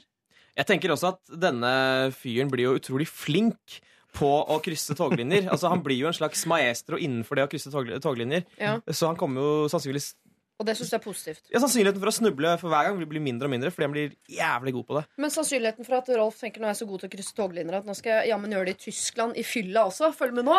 Oh, ja, nei, ikke, ikke, begynne, ikke dra på sånn turné for å krysse toglinjer. Ikke gjør det. Kanskje han kan starte en sånn uh, kampanje i uh, avisa om å få en overgang? Ja. Mm. Ja, men det, vil, vil du være den fyren, da? Nei, du blir jo ikke det. overgang over linja nå. Men eh, da må du heller gå over. Da må du krysse toget. Altså Enten må du ta skammen i offentligheten, eller så må du Jeg syns jeg hører at eh, du, Håvard, mener at Rolf skal fortsette å krype gjennom gjerdet og krysse toglinja. Hvor farlig kan det være? Ja, altså. Hasse, du er også litt der. Ja, ja. Eh, Else, du mener at dette er livsfarlig? Nei, jeg, At det er to timer nærmere din egen jeg- begravelse? jeg fikk jo invalidforsikring i konfirmasjonsgave. Ja. Eh, og jeg er en Alltid når det kan skje noe gærent, sånn fysisk, så er det jeg som snubler. Plutselig så er det da Rolf også. Og det er det ikke verdt. 40 minutter. Kan du ikke høre på den nye plata til Adele eller noe? Mm. På øret? Rolf El- slår Mm. meg som en Adele. Eller bare ta på deg en hjelm, sånn at hvis du snubler, så blir du ikke bevisstløs. Og så kommer du deg over. Er ikke det greit, da, Else? Jo, men Blir han fyr samtidig med hjelm som krysser på, toglinja? på film så er det, er det leggene de tar. Alltid på film. Eh, Livet er ikke en film, eh, vil jeg bare eh, si fra til alle om. Det er lett å misforstå. Rolf, eh, her er det 2-2, altså. Eh, gutta mener at du skal krysse jernbanelinja. Eh, jentene mener Det er at eh, på lang sikt så er ikke det et fornuftig valg. Du eh, eh, kan ødelegge ditt liv, kan ødelegge andres liv. Eh, og det kan være en sånn dårlig investering at du flytter grenser for hva du syns er greit. Vips, så er du i Tyskland, da. I fylla. Krysse toglinjen der. Og det går ikke nødvendigvis Det her syns like jeg er et litt rart tankesprang, altså. Ja, ja. Det er vanskelig å drive det verste fra rullestolen, da. Det er bare å si. Dette rådet er sponset av NSB. NSB. P3. Hope It's The Last Time synger eh, Fasit her, og før det var det Sara Larsson sammen med MNK, Never Forget You. Lørdagsrådet hører du på, og i dag har jeg med meg tre rådgivere, som alltid. Du har med eh, Hasse Hope. Mm. Kan jeg si at du er komiker? Eh, Jeg håper det. Jeg vil heller det enn at jeg er eh, sånn klovn eller gjøgler. Ja, men du er ikke standup-komiker? Nei, ikke ennå. Nei. Eh, Else Kåss Furuseth er vel mer enn både komiker og standup-komiker. Medmenneske. Mm. Medmenneske. Eh, og eh, Håvard Lilleheie, du er også komiker, men du har heller aldri prøvd standup. Ja, Jeg har sett han gjøre standup. Mm. Oh, ja. Men jeg kaller meg først og fremst Sing and Dance Man. Sing and dance man, medmenneske og komikere har vi altså med oss her i dag. Eh, vi skal hjelpe en trofast eh, lytter, eh, og hun skriver altså. For et halvt år siden fikk vi en ny, en ny kollega på jobb. Jeg har litt vondt av henne. Hun har nok alltid vært et typisk mobbeoffer. Jeg tror ikke hun blir direkte mobbet på jobb, men hun blir holdt utenfor, og hun blir snakket om. Jeg forsøker å snakke litt ekstra med henne og være vennlig og inkluderende. Mitt dilemma er at vi er nesten naboer. Jeg kjører til jobb, og det tar ca. 30 minutter. Min kollega derimot har ikke bil og må ta to busser. Da bruker hun nesten en time hver vei. Jeg har tenkt at jeg nok burde tilby henne å sitte på med meg, men det sitter langt inne. Jeg har en krevende jobb, og jeg føler at hele arbeidsdagen eh, går jeg gir og gir av meg selv overfor pasienter og kollegaer. Turen i bilen blir min fritid, og om morgenen er det et deilig ritual å skulle sette seg alene i bilen, høre på radio og bli klar til å møte dagen. Om ettermiddagen er jeg ofte så sliten etter jobb at jeg trenger denne halvtimen for meg selv til å hente meg inn. Da orker jeg ikke snakke med noen, egentlig, og jeg ønsker bare å være helt alene. Samtidig føles det litt ubehagelig når naboen min og jeg går fra jobb samtidig. Jeg inn i min bil og hun til busstasjonen. Jeg har noen ganger spurt om hun vil sitte på, og da blir hun veldig glad. Hun åpner seg i bilen, og vi snakker fint sammen. Men jeg føler samtidig at arbeidsdagen min fortsetter helt til jeg kommer hjem, og at jeg mister noe av min kvalitetstid. Bør jeg tilby henne å kjøre med meg? En løsning er selvfølgelig å spørre henne av og til, en gang i uken kanskje, eller når været er ufyselig, men jeg kjenner at også dette egentlig er litt for mye. Jeg trenger å være alene i bilen min. Hilsen da trofast lytter. Her er det altså eh, hvordan man er som eh, kjemper mot hvordan man burde være. Ja. Mm. Altså, jeg, jeg mener at eh, den tiden på vei til og fra jobb er kanskje den mest kritiske tiden i løpet av dagen. Det er faktisk da du trenger å bare få slappe litt av. Mm. Og jeg er veldig sånn selv. Hvis jeg, når jeg tar bussen, så sitter jeg gjerne og tar skjerfet opp for å dekke halve ansiktet. I tilfelle en kollega kommer inn på bussen, for da ser de ikke at det er meg. Ja. For man kjenner ikke igjen meg bare ved hjelp av øynene. På ekte? Gjør du det? Det hender jeg gjør det. Jeg, jeg vil ha den tiden for meg selv. Jeg orker ikke snakke med folk. Det er Ellers er det bare at folk tar det hintet. Nå har han dratt skjerfet opp til midt i fjeset, ja. Jeg eh, setter meg et annet sted. det er nok heller det, ja. Ja. Mm. Fint signal å sende. Er du egentlig litt sånn folkesky type? Mer innesluttet enn man skulle tro. Ja. Hæ? ja. Ja, men du, har, du, har, du, har, du må ha litt metime, da. Må ha litt Du må legge ligge til lading. Ja. Og det er jo akkurat på vei til og fra jobb. Men noen ganger stiller jeg spørsmål. Hvem er jeg? Hvorfor gjør jeg dette? Skal jeg begynne med noe helt annet? Mm. Hvorfor, hvorfor holder vi på i samfunnet vårt? Altså Det kan være nettopp fordi du, du Det kan jo være litt dritt å gå til og fra jobb, men samtidig ja, Jeg må faktisk legge medmennesket litt på hylla her, faktisk. Fordi at um, jeg, jeg veld, altså, På 37-bussen så er folk har veldig respekt for at her skal det ikke prates. Ja, Men da sliter du med det som på en måte er eh, kjernen i problemet her, nemlig eh, jeg vet hva jeg ville gjort, og så vet jeg hva jeg eh, burde ha gjort, og jeg, hva jeg ville ha rådet andre til å gjøre. Men allikevel eh, Jeg, Du hadde sittet henne aleine i bilen. jeg, liksom. jeg, jeg, har gjort, jeg hadde gitt bilen min til henne, så hadde jeg begynt å ta bussen. Antageligvis. Ja, Der har du meg, da. Ja, ja, ja. Hva sier Håvard Lilleheie for noe? Jo, det vi må huske er at hun er jo glad i metime, men hun bruker nok mye av sin metime nå på å tenke på akkurat hun dama Mm. som blir litt mobba på jobben, og som sitter aleine på bussen, og som har 60 eh, lengre reisevei hver dag. Så jeg vil si Er det en presidenttale? Velkommen, Obama. Jeg har to Det sånne Jeg har et sånn manus på hver sin sånn eh, plakett som går Rulle foran Ja, deg. rullende foran meg. Kjør. Og så Ja. ser jeg på vekselvis på hver for å se statsmannsaktig ut. Og så sier jeg Vet du hva jeg syns? Hm. Jeg syns at du burde finne et annet sted i livet ditt der du kan ha metime. Altså et annet sted der du bestemmer disse 20 minuttene er mine. Det kan Mhm. være en gåtur. Det kan være ved å sitte alene uten sosiale medier. Men finn et annet sted å ha metime, og vær et medmenneske. Er du kristen? Ja, for det er bare kristne folk som er hyggelige, ikke sant? Ja, det er. Ja. Nei, men jeg tenker altså, hun, Men at denne da naboen og kollegaen blir mobbet på jobb, kan vi ikke snakke litt om det virkelige problemet eller er det et annet program? Altså, Det er jo hovedproblemet. Hovedproblemet er ikke transporten. Hovedproblemet er at hun ikke har det noe bra på jobb. da Det ville fokusert ganske mye mer på det, og mindre på det med transport. Men Jo, kan du men det er løse det, prøve å løse i bilen? til å gjøre noe. Hun sier jo, eh, Det virker som hun allerede gjør mer enn flere av sine andre kollegaer ved å snakke med henne og prøve å være vennlig og inkluderende på jobb. Ja. Mm. Eh, Men det er når de to er alene i bil, at denne naboen åpner seg, og eh, de har fine samtaler og så videre. Og jeg tenker at du, kjære trofaste lytter, skal være klar over antagelig hvor ekstremt mye dette her betyr for din nabo. Hvor ekstremt hyggelig eh, det er for henne, og hvor eh, Altså hvor viktig det er for henne. Og jeg skjønner at metime er viktig, kanskje spesielt Jeg vet ikke om hun har eh, tre masterbarn og en eh, sur mann der hjemme, og pasienter på jobb. At det er, jeg skjønner at begge disse stedene i livet så er det mye som skjer, og så er det den deilige stillheten imellom. Og jeg skjønner at man vil ha den, og at det er kanskje bare der man har tid til å være alene. For idet du kommer hjem, så begynner maset på nytt, osv. Når du ligger på din dødsseng Ja. Og skal tenke tilbake, hvilket menneske vil du ha vært?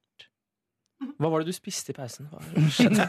Men, men det som er det, det, er jo, det er jo vitenskapelig bevist at ekstremt mange menn, i hvert fall, etter at de har kjørt hjem fra jobb, skrur av motoren eh, på bilen, blir sittende i bilen ganske lenge. Ja, Ja, det, det har jeg gjort sjæl i dårlige Ja, perioder. tar seg liksom en pause der, liksom. Mm. Så det kan hun jo ta etter at hun har kjørt naboen hjem, da. Kan hun ta den lille pausen da. Mm. For etter å ha hørt på eh, ikke bare deg, Håvard Lilleheie, men også sier Kristiansen, så legger vi bort våre ønsker, altså Hope og mine ønsker.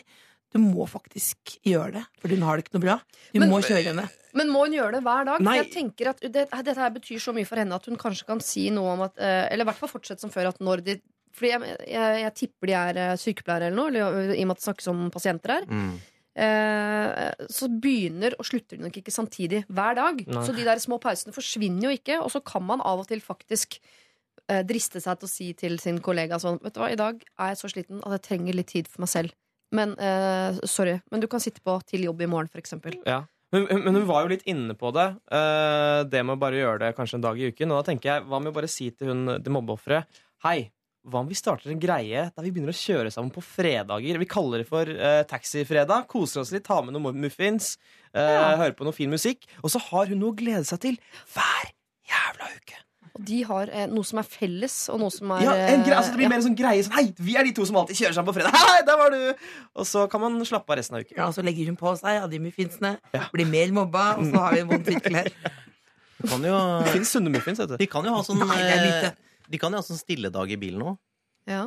I dag, eh, i dag kjører vi stillhet. Ja, vi kjører stilleleken. Jeg tror Hva er det du tror? Hva er det alle, du brenner inne alle gangene du møter henne på vei hjem tilfeldig, Ja. eh, så må du tilby deg at hun kan sitte på. Ja. Det er livets rulett. Ja. Så kan du heller prøve å unngå å gå ut av bygget samtidig med henne. Selvfølgelig kan det, men det blir jo Men jeg tenker at uh, Men da dukker det som Håvard eh, nemlig sier, at uh, istedenfor å bruke tid på å uh, snakke med henne til fra jobb, så bruker hun tid på å tenke på sånn Å, herregud, nå sneik jeg meg inn på doen og lata som jeg måtte drite, og nå må jeg unngå henne, og nei, nå, så, nå må hun ikke se meg. Så bruker hun masse tid på å unngå å, finne opp et sånn eh, spionliv for å ikke liksom eh, Hun har jo dårlig samvittighet. Ja. Hvis ikke hadde vi ikke sittet med det problemet her. godt Nei, og Derfor er min løsning desidert best. En dag i uken, super taxifredag. Nå koser vi oss, dere. Men problemet er ikke transporten. da. Hvis de hadde hatt det hyggelig på jobb, så hadde ikke den kjøringen vært så viktig. Er du sikker på det? Ja, altså det er jo Hvis du har det Da hadde hun ikke hatt det behovet, hadde hun ikke blitt så glad for å sitte på. Hvis hun hadde hatt det finere på jobb. Jeg kjenner meg nemlig ekstremt Hvis du, noen spør meg hva er det aller beste du vet om i hele verden, eh, da svarer jeg hyttetur. Men så, hvis du da spør videre hva er det aller nest beste du vet om i hele verden, eh, så vil jeg si å sitte alene i bil, gjerne mørkt ute, drikke Pepsi Max, høre på radio og kjøre eh, gjerne langs med fjorden alene eller innover i skogen. Mm. Er det, hver gang tenker jeg yrkesbil Altså jeg vil ta lastebillappen og bli lastebilsjåfør. For dette, nå piker livet. Og hvis min trofast lyttere har noe som helst felles, at den, den følelsen hun får i bil, er oppimot den følelsen jeg har når jeg kjører alene i bil, så forstår jeg at hun er ganske sånn beskyttende overfor den alenetiden. Men jeg tror uansett hvor glad man er i å kjøre bil, så betyr den tiden i bil sammen med deg eh, så ekstremt mye enda mer for hun som får lov til å sitte på, at, eh, at det er der hensynet må ligge. Skjønner dere hva jeg mener? Jeg skjønner hva Jeg du skjønner hva du mener. Skjønner hva du mener, men, bare, men hun blir jo omtalt her i gruppa som et mobbeoffer. Da tenker jeg da må I tillegg til det med å finne ut av transportproblemet, så må hun få det hyggelig på jobb. Men det gjør hun jo ved å vite at jeg har noe felles med hun. eh, Vi har uh, fredag. Muffinsfredag hver eneste fredag. Det er Ja. lite koselig. Er min tur til å bake. Og Ja, hvis du er, ja. hvis du er, hvis du er det ordentlig trist, og det er taco i kantina, så begynner du ikke å juble av det. Nå må vi snakke med sjefen, Jo, men de får noe felles. Ja, Dette er noe noe de kan snakke om på jobb, og så plutselig så har hun en venninne på jobb. Da er du ett steg nærmere å ha i hvert fall én god kollega eller én venn på arbeidsplassen. Hun må jo prøve også å jobbe med at hun ikke skal bli mobba på arbeidsplassen. Så Det er det du sier. Det er det som er poenget ditt. Jeg har sagt det fire-fem ganger. Ja. Ja, ja, ja. Slutt mobbing. Altså. Du sier litt sånn ad omvei, men eh, det er riktig. Ta opp arbeidsmiljøet, ring HR-sjefen. Ja, Det veldig tydelig. ja det er tydelig. Det, Ja, var, kom så mye først. det var kom så mye først. Jeg vet det, jeg er veldig pratsjuk i dag. Mm. Var aleine til morgenen. Ikke mobb kameraten min. Kjære trofaste lytter, her syns jeg vi har uh, kommet fram til noe veldig fint. Jeg syns du skal uh, si til henne at dere skal ha en fast dag i uka hvor dere kjører sammen, uh, og gjøre om det til noe hyggelig, sånn at hun føler at hun har et eller annet spesielt sammen med deg som hun kan glede seg til. Og da kommer hun ikke til å bli så skuffa de dagene hun ikke kan sitte på. Men hvis du går ut sammen med henne fra jobb, så kan du innimellom også bjuda på sånn Vil du sitte på i dag? det er ikke akkurat muffinsfredag, men en onsdag er jo hyggelig, det også. Og når dere får denne hyggelige dialogen, så kan du på et tidspunkt også si fra meg at jeg elsker alenetid i bil. Det er derfor jeg ikke kjører fast med deg hver eneste dag. Og noen ganger så kan nok hende at jeg kommer til å si i dag er jeg sliten, jeg trenger å være litt uh, alene. Men fredagene, de er våre. Og av og til ellers. Og det, altså bare det der kommer hun til å elske så, så hardt at uh, du også på sikt kommer til å elske det mer enn du elsker alenetid i uh, bilen. Dette er Lørdagsrådet På P3. P3. Gorillas, altså, sammen med De La Soul. Feel Good Ink var det der. Og man blir jo litt misunnelig på den eh, latteren. Skulle gjerne hatt en sånn latter selv, faktisk. Oi, det Eller det som er på slutten av låta der, ja. Og på begynnelsen. Ja, sånn rå. Jeg bare tenker at Han har det morsommere i livet sitt, han som ler der, Mm. enn sånn som ler sånn som jeg ler, som bare er mer sånn uh, lavt. Du har faktisk veldig rar latter. Er det sant? Ja, Nei, det er ikke. Veldig vanlig latter. Nei, den er ganske spesiell. Ass. Ganske midt på treet, vanlig. Det der. Det er spesiell latter. Men den er jo falsk. Du ler jo ikke sånn. Det er Det, lagt på. det, det, det der er sånn latter altså etter at du har banka noen, og de ligger og blør latter. Rå latter. Det er den der jeg ville blitt nazist under krigen-latteren. Og det ble for mye for Hasse. Mm. Dere, vi har fått inn eh, altså overveldende engasjement rundt denne godstolen. Husker dere Ola, som eh, du ble veldig veldig glad i, Håvard? Mm. Ola hadde funnet den perfekte stolen og satt den foran peisen. Den er Ja. for stor for stua, mener da eh, hans samboer. Ikke kjæresten, men deres tredje samboer. Venninnen til kjæresten. Er krevende.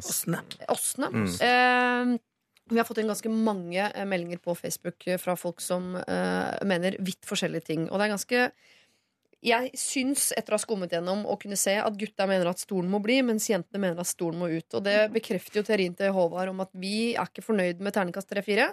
Eh, vi må opp på fem-seks, mens gutta tenker er det digg å sitte inn, så er det bare beholden. Mm. Eh, men eh, veldig god trøst her også er at det er mange her som kan fortelle at de har mye styggere stoler enn det der. Det er jo en trøst i det. Ja.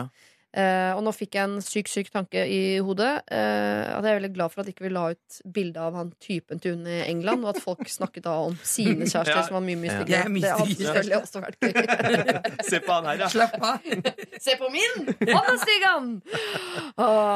Men altså, eh, til deg som har denne stygge stresslessen hjemme hos deg, så kan du jo gå inn der og få flere råd fra folket, altså, som har hevet seg inn i godstoldebatten.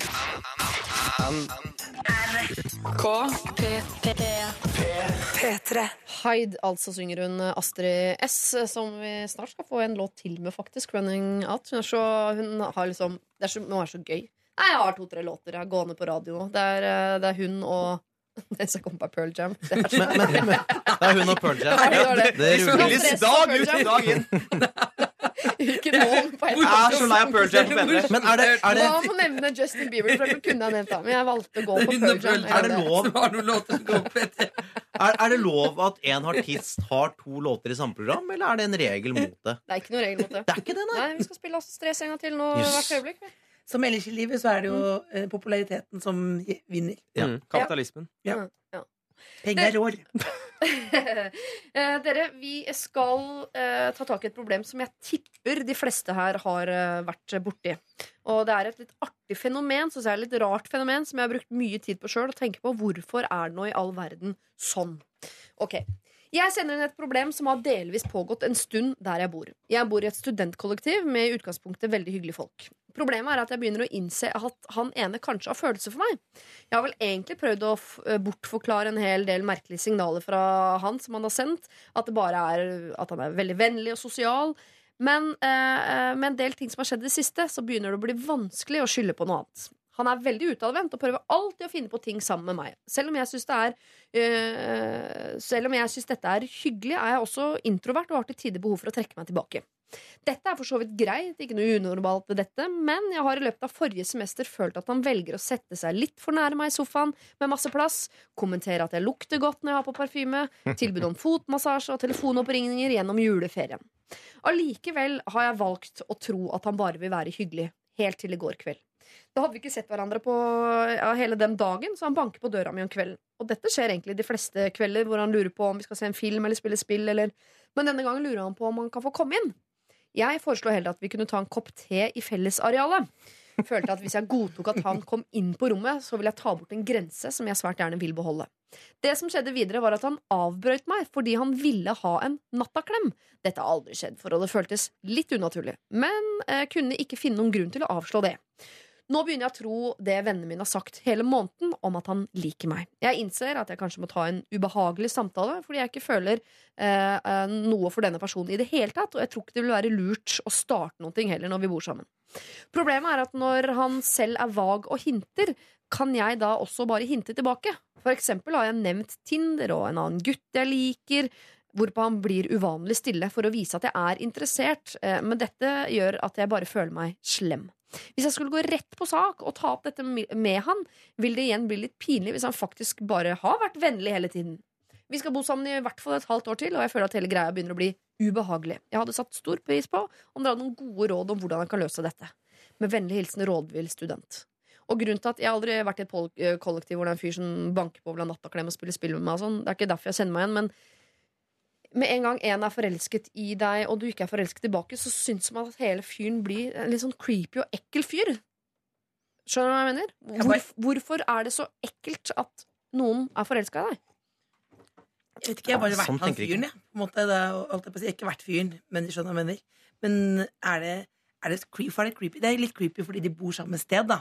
Og den der sånn, litt sånn inntrengende klemme kan jo være litt creepy, men at noen liker det, er vel ikke så ekkelt. Det er ikke creepy, men plutselig så er det en fyr som du vanligvis ville sett på som en kul kompis, som plutselig blir ekkel fordi alt du tenker at eh, er hyggelig, plutselig egentlig har vært det liksom, at han har prøvd seg på noe. Ah, sånn, ja. Ja, Så så blir man sånn, redd. åh, så vil man unngå han og orker ikke han. Og, Ja, Man blir redd for at han skal se deg naken når du går ut av dusjen, ja. for eksempel.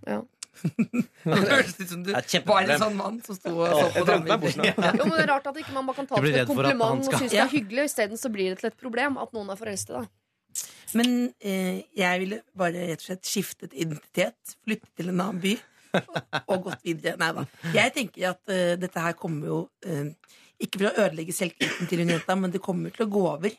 Eh, for hvis hun er avvisende, så kommer det til å gå over. Det gjør det jo nesten alltid, gjør det ikke det? Men er hun så avvisende, da? Eh, hun sier jo selv at hun hinter, og hun blir med på den nattaklemmen hun foreslår. Den koppen med te i fellesarealet, og hun spiller spill og ser på film og tar telefonen tydeligvis når han ringer og Ja, men hun vil jo ikke være Hun vil jo ikke være et rasshøl heller. Nei, men Hvordan tolker han disse signalene når han er forelsket? Han tenker at hun er megaforelsket Ja, tenker, Fordi hun svarer på telefonen. Fordi hun er hyggelig. Ja, faktisk. Ja. Så lite kan være. Ja. Ja. Skal ikke mer til. altså, det er faktisk en ganske vrien situasjon, Fordi jeg tror uansett om hun til og med sier du, eh, kompis, eh, du er i vennesonen, og der blir du, eh, så hvis man er forelska, så tror jeg ikke man tar et nei for et nei med en gang uansett. Det har jeg gått i fella i mange ganger. Holdt liksom Fikk Ja, for du tenker at jeg skal gnage meg i hjertet Ja, jeg måte. kommer til å overbevise henne i løpet av de neste to årene. Ja, det, det tenkte jeg en gang. For en Ødela livet mitt. Du er en vakker romantiker, du. Ja. Ja. Uh, nei, hun bare lå rundt med andre i stedet. Ja, jeg skjønner. Hun, valgte, hun valgte den veien. Ja, hun gjorde det. Men, men uh, hun, dette er jo vel helt bombesikkert at han er forelsket i henne. Ja, det vil jeg Det det. jeg også påstå. Men, da, men uansett, da er det vel den praten som gjelder, da, eller? Det er det. Det her kunne vi snakka mye sånn fram og tilbake og vært mot hverandre og sånn, men, men her er det bare å få Du må få noen ting på bordet eh, og si sånn og sånn. Hun syns vel han er en hyggelig, fin fyr. Er mitt inntrykk. Ja. Eh, og da må du bare si det. Du er en hyggelig, fin fyr, men vi kommer aldri, aldri, aldri til å sove i samme seng. Nei. Eh, men er hvis han aldri har tenkt tanken på å sove i Det er jo det hun er redd for. Så har ikke han tenkt tanken med om han sover i samme seng. Da må du bare Jeg er legge inn- homofil, jeg er sammen med faren din. Altså, Ja, ja, men da må du bare legge inn Altså, hvis jeg har tolket signalene helt feil her nå, Ja. så må du bare bære over med meg. Og da gir du også han muligheten til å si ja, du har tolket signalene helt feil, selv om jeg ikke ja, har gjort det i virkeligheten. du gir han en ganske Mm. behagelig Gir han en eh, deilig vei ut, ikke sant? Nå er du god. Nå er du Nå er god. Nå er du Ja. god, Nå er god. Nå, er du, nå bruker du sjiraffspråket.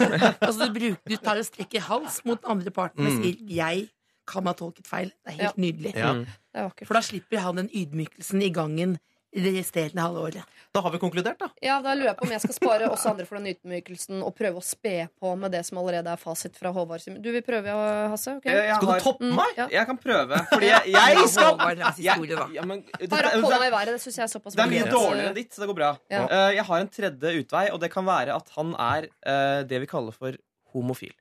Ja, La oss håpe det, da. Ja, fordi han sitter seg nærme, han liker å få klemmer, han liker å være rundt henne. Han vil ha henne som venninne. Det er ikke umulig, det. Ikke sant? Du vet jo, Jenter og homofile gutter er jo Altså sånn den stigmatiseringen av homofile som du gjør skyldig at skyldig de liker klemmer. Det må jo være greit. Men, det, men hvis Men du kan bruke det og si sånn Hei, jeg lurer på eh, Er du homofil? Eh, Vil du snakke om det? Så da vil han si sånn Hæ? Nei, jeg er forelska i deg. Og Sier hun æsj! Ja. Uansett så må vi bruke Håvard Lilleheims metode. Ja. Som var det du sa i stad. Vi må det. Ak akkurat på denne måten. ja. Kan vi kan vi klippe ut det jeg sa? jeg kan ha tolket signalene feil. Og så et- etter hvert da kan man jo bruke den 'jeg kan ha tolket signalene feil' for å gå over til homofil tematikk. Ikke bring det også på, da. Sånn Nei, men en annen kveld, en da. annen, Neste ja, kveld. Neste kveld. opp. Eh, vi eh, Sare deg, her er det samtale som gjelder, men du må bruke språket til Håvard Lilleheie her. Du må strekke hals, du må legge deg eh, nedpå, være ydmyk, gi han en behagelig eh, nødutgang fra denne. Og det gode er jo at dette blir jo liggende på nett, så du kan klippe ut og pugge hva jeg sa, ord for ord. Ja, ikke, du kan podkaste eller laste ned må du eh, bort meg, altså. radiospilleren, eh, Klipp ja, bort meg. bort, Klipp bort meg, Ja, gjør det, gjør det.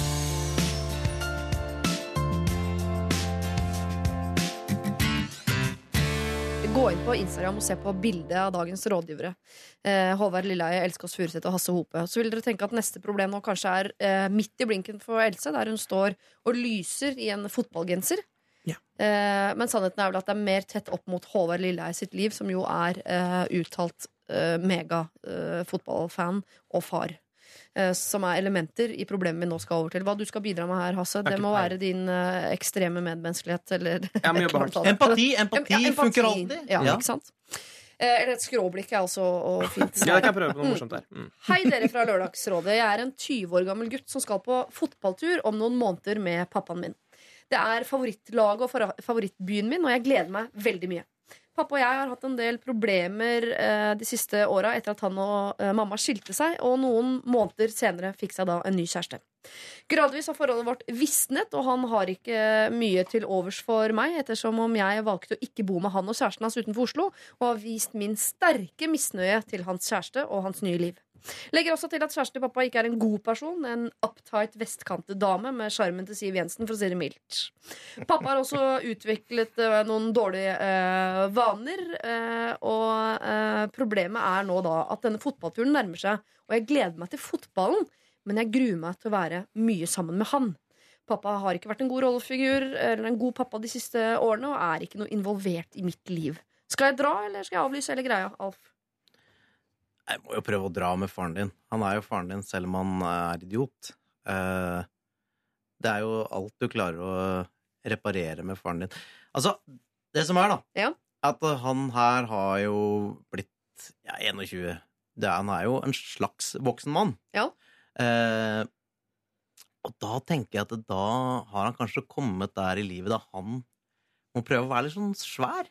Eh, det, han var sikkert kanskje sånn i tenåraktig når de ble skilt. Det kan bare få den følelsen. Ja. Eh, og jeg har hørt så mange, altså, som ikke liker nye, nye dama til eh, når, når, foreldra blir skilt. Tenker jeg noen ganger handler det bare om dama, eller handler litt om deg? Jeg veit ikke, men eh, hun kan sikkert være kjempedøv, hun, altså. Eh, men, men dra nå på den turen, og har du, har du et hyggelig forhold til faren din, så, så er jo det bedre enn å ikke ha det. At hun nye dama er idiot, handler vel ofte om at hun nye dama ofte er veldig lite lik mammaen din. Så da tenker vi sånn Hva, liker du det? Det er jo ikke Ja, men- det vi har likt. Ja, men eller, eller, at, eller at hun er Men ofte så føler jeg òg at uh, noen ganger så, så velger menn dårligere på, på runde to, fordi de velger, kan velge litt sånn rare da. kriterier. Ja, jeg må passe meg. Ut, på leit. Eh, ja, som passer på leit. Uh, men Og ofte er stemødre også. Det er en grunn til at de har fått det, det onde stemorryktet. Det er fordi det er, det er vanskelig å være stemor, og man er ikke glad i det barnet. Så man klarer ikke å, være så grei mot det barnet som mammaen din er. osv. så, så man er jo Askepott. mer en heks enn det Og så og så er. konkurrerer man jo, altså, ikke sant? Ja, ja, det er mye vanskeligere. Konkurrerer om, om fars oppmerksomhet. Men drit i hun. Ja. Altså, Alf og pappa her, eh, skal de dra på fotballtur, syns du, Hasse? Uh, ja, nå skal jeg prøve å komme med min lille vri, da. Finner ikke jeg, jeg har jo ikke barn og, og sånne ting. Men absolutt, jeg ville dratt på det. Uh, ta dere et par koronas, hvis det er det man drikker i England. Nei. Sorry. Uh, og, og prøve å snakke litt ut om det på en sånn hyggelig måte. Og hvis du er heldig, så, sko så vinner laget som dere heier på. Dere kommer til å få en enorm gledesrus, og i den gledesrusen hopper du inn og tar opp masse problemer. Eh, Sånn akkurat etter scoring. Du er idiot! Pappa, hva skjer med dama? Å, nye dama di er psykopat. Jeg hater deg. Hater deg, hater deg. Gå fra henne, gå fra henne. ja. Dette blir tre poeng, fatter'n. Ja. Sånn- Det er psykopatens måte å kommunisere på. Ja. Jo da, jeg legger det Jeg noterer det. Så det var skråblikket som du etterlyste i stad. Hvis du kan sette, legge bort i koronaene et lite øyeblikk. det var nydelig at det Du gikk i korona til England, eh, men, men, import. eh, men eh, jeg tenker tiden leger jo litt sånn alle sår, da, så jeg tror jo at eh, jo mer tid du tilbringer med faren din, da vil jo forholdet mest sannsynlig bli bedre. Men han sier jo noe om at hun, han har utviklet litt dårlige vaner og sånn, Mm. og det kan man jo prøve å skille bort fra hun dama. Mm. Eh, om det er noe, Hva betyr det? Dårlige vaner? Det høres jo litt sånn Er det narkotika, eller hva, hva er det? Altså, det kommer jo litt an på hva de dårlige vanene er. Ja. Eh, men, men Jeg tror det eh, er alkoholrelatert i dette ja, så da kan du droppe de koronaene. Da, Ja, jeg dropp altså, det ikke med en gang. Men jeg tror den turen tror jeg bare, Den kan jo ikke gjøre det noe verre. Tror jeg. Nei, nei, det kan jo være med å sette et punktum, men det er jo deilig, det òg, da. Eh, Ja. Å få et punktum i, i en historie med altfor mange komma. på en Jeg tenker. Nei, jeg skal ikke hoppe inn her, altså. Nei, bare jeg tror du må skille på en måte om du liker hun eh, nye kjæresten fordi hun er en dårlig person, eller fordi hun er den nye kjæresten. Mm. For mistanken min er at du, hvis hun på en måte er ganske normalt hyggelig, litt snobbete, det kan man leve med, så vil du nok etter hvert begynne å like henne bedre også, over tid. Men uansett, dette er en uh, fotballtur. Eh, Det er to gutter her som skal dra på tur. Hun skal ikke være med, så jeg tenker at om han liker henne eller ikke, hvordan Ja. det greiene der går, det får være litt sånn Kom i aner ikke. Eh, på denne turen til uh, Jeg tipper England, da. Det står faktisk ikke noe om England engang. Mm. Eh, så er det deg og pappaen din det handler om. Det handler ikke om hun dama. Jeg tenker at uh, ut ifra det vi hører her, så har de på en måte Jeg tror de har grodd litt inn i noen sånne litt kjipe roller der de negger mye på hverandre og, og krangler mye, og at de kanskje trenger denne litt sånn Trenger å dra på en tur sammen, noe de ikke gjør så veldig ofte, og at kanskje det da vil oppstå at man vil finne igjen noe av den der barnlige uh, lekte gleden man hadde når man var litt mindre. Altså, far-sønn-forhold er jo veldig ofte komplisert. Ja. Det er nesten så jeg liksom gruer meg til eh, Nils blir større. ja. For jeg tenker åh, da kommer han sikkert til å se alle feila mine og eh, ikke, ikke liker meg så godt som han gjør nå og sånn. Eh, Det tror jeg du skal være ganske trygg på at det kommer til å skje, ja. Ja, antageligvis. Ja. Eh, men er det, jeg føler det er litt sånn der generasjonsgreie, og nå tar jeg dette her opp. Liksom, men, men at, han har, at han er 20 år og har en far som er Jeg tenker det Den gener farsgenerasjonen hans, da. Mm. Hvis jeg skal tenke at eh, samfunnet går sånn, litt sånn riktig vei på en eller annen måte, at det er liksom litt den siste generasjonen som er dårlig på å snakke med gutta sine. ja. Eh, for, for det er jo Det er jo åpenbart at eh, de ikke har noe sånn veldig nært forhold. Eh, og det Pappa her har jo tatt noen dårlige valg de siste åra. Eller i hvert fall tatt noen valg som Alf her ikke liker. Men jeg syns jo også jeg mellom linjene her leser at uh, denne fotballturen her, det er initiativ fra pappa. Det er jo ikke Alf som har foreslått fotballtur, for så å tenke sånn eh, Vil jeg det, òg? Jeg vil jo egentlig ikke det. Det er jo pappa, som vil reparere. Det er pappa som vil reparere, Ja. og hvis, uh, hvis han har ødelagt, så må du allikevel gi han muligheten til å reparere. Da kan du ikke sette på bremsen idet han faktisk prøver å gjøre noe bra da, for deg som er sønnen sin. Pluss kost og losji. Pluss kost og losji, Mm. håper jeg. Da tenker jeg, Gi han muligheten nå til å på en måte uh, gjøre opp for alle de dårlige valgene han har tatt Og, som menneske. og så eh, kan det jo også være at det er andre med hun eh, kjæresten i faren sånn. Jeg bare minner jo. Det, altså det jeg, kan, jeg, jeg har personlig veldig god stemorerfaring fra å være sånn 'du er ikke moren min' til å kjøpe tulipan på morsdag. Bare på kort tid. Du kan Plutselig så er hun kulere. Selv om hun har sånn boblevest oppe på vestkanten. ja, selv om hun er fra østkanten og har Siv Jensen sin utstråling, så kan det hende at du også kan like henne på sikt. Men nå i første omgang så tenker jeg at du skal på fotballtur sammen med pappaen din. Og det er eh, hans initiativ, og det er hans oppgave egentlig å gjøre dette her til en fin tur. Og du skal bare være med og nyte reisen og se eh, hvordan pappaen din prøver eh, trinnvis å karre seg tilbake i en god relasjon til eh, deg. For det er vel ingenting vi heller vil her enn at alt det der skal bli reparert igjen. Og så får vi ta det med hustemora en annen gang. Dette er Dette er P3. Mumford and uh, Sons uh, med Ditmas har dere sittet og hørt på, mens jeg har uh, altså vært vitne til et nydelig skue der uh, dagens to mannlige representanter i rådgiverpanelet har sittet med beina på bordet og snakket om fedrene sine. Vi, vi spurte om det var greit med beina på bordet. Dere spurte om det var greit. Ja. Uh, Håvard Lille, du fikk lov til å ha beina på bordet. Uh, Hasse fikk også selvfølgelig lov. Du kastet deg ikke inn i beina på bordet-dansen, Else Kåss. Nei, jeg har sånn Lilly Bendriss-aktig skinnskjørt, så det passer ikke. At skjørtet ser ut som Lilly Bendriss. Ja, det er veldig Lilly Bendriss. Det Lilly er som går igjen før. Er, nå er jeg veldig dum. Jeg tenker Men ikke Lilly der, altså. Hvem er Lilly Bendriss? Nei, nei, nei, nei, Håvard! Du jobber i TV! Ja, men jeg er orker ikke å dårlig. late nå er du Ja, ja, nå er jeg dårlig, dårlig. Skulle jeg ljugd? Ja. Hvem er Lilly Bendriss? Hvem er det? Nei, altså, det, Det er hun altså, oversminka uh, dama som, som ser ting. Som uh, er Som ikke vi andre ser. åndedriver og ser spøkelser. Og ja, Åndenes og- makt! Ja, det er henne. vet hva jeg, hun har lært meg hva jeg har vært i min tidligere, li- tidligere liv. Hva var det Jeg har da? vært politiker. Jeg har vært tigger. Eh, magedanser. I det samme livet, eller? Eh, alle mine tidligere liv, da. har Og i alle mine tidligere liv så har jeg vært veldig, veldig tykk. Ja. Hun, var- jeg var tykk tigger. Hun hadde aldri sett det før. det er ikke selvironi, det er fakta. Eller Nei, ikke ikke, fakta, da, da. kunne ikke vi ledd hvis det bare var selvironi. Nei, nei, det er jo- det er jo tape. Det offisiell humor, det greiene der. Det er offisiell humor. Godkjent morsom. Ok, dere oh, Ta stemninga med dere videre inn i eh, morgenens siste problem, som handler om sex. Jeg har et stort problem. Jeg var på første date med en gutt forrige uke, og vi klikka på alle mulige måter. Han er snill, sjenerøs, kjekk, omtenksom, morsom, og vi hadde masse til felles. Veldig forfriskende i forhold til de litt kjedelige guttene jeg har datet i det siste. Problemet kom i går. Etter en veldig hyggelig kveld med god mat og drikke, så skulle vi ha sex. Det må legges til at vi var begge to veldig slitne og trøtte, men sexen var grusom. Altså virkelig, Siri, det var forferdelig. Han er, for å si det rett ut, skinn og bein, og hoftebeina hans har laget store blåmerker på låra mine, og i tillegg var det bare dårlig. Ikke noe oppvarming. Alt var bare veldig vondt og kjedelig. Rett og slett dølt. Jeg liker gutter som tar litt kontroll i senga, vet hva de gjør, og kan ikke se for meg at jeg vil trives i rollen som sexlærer. Mange kan jo si at første gangen med ny partner vil være dårlig uansett, men jeg tror ikke det tilfellet her. Det var i hvert fall ikke følelsen jeg fikk. Jeg tror bare han er dårlig i senga. Men han er jo så nydelig ellers. Jeg vet virkelig ikke hva jeg skal gjøre her. Håper dere kan hjelpe meg, hilsen Solveig, som bare vil bli slengt i veggen en gang iblant. Du, det er en ærlig sak. Og jeg må si at alle mennesker er jo ikke seksuelt kompatible.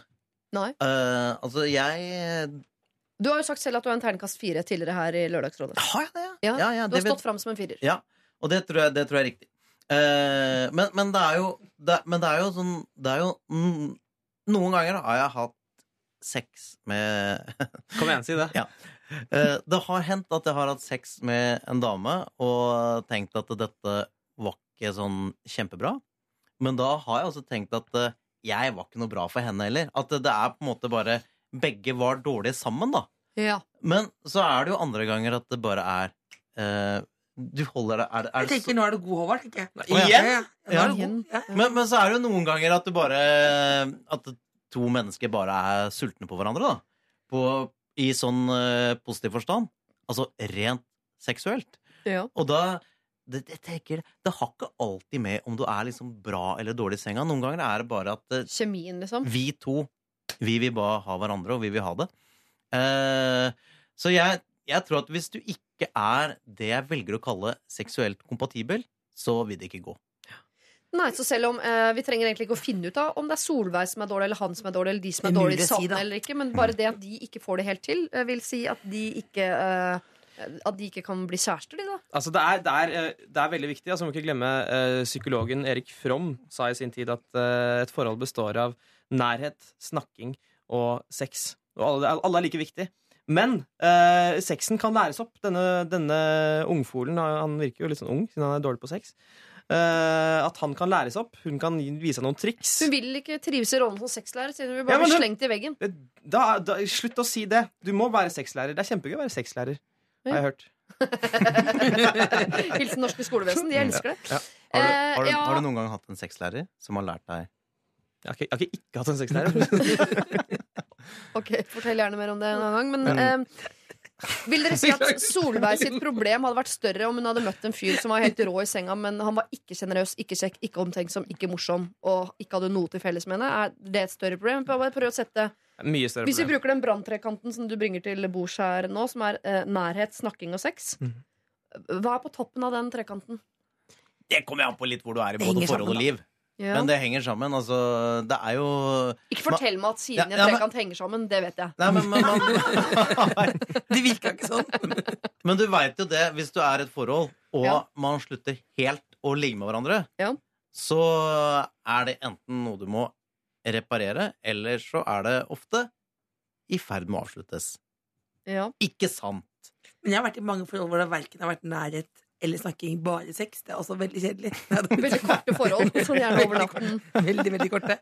Men, men, eh, men kan det ikke læres Er det ikke en som om livet, på en måte? At det kan læres? på en måte? Selvfølgelig kan det det seksuelt eh, kompatible, så kan det ikke på en måte altså Man skal ikke tvinge seg til noe hvis man ikke vil, men det kan jo bli altså Du må gi det mer enn ett forsøk, da.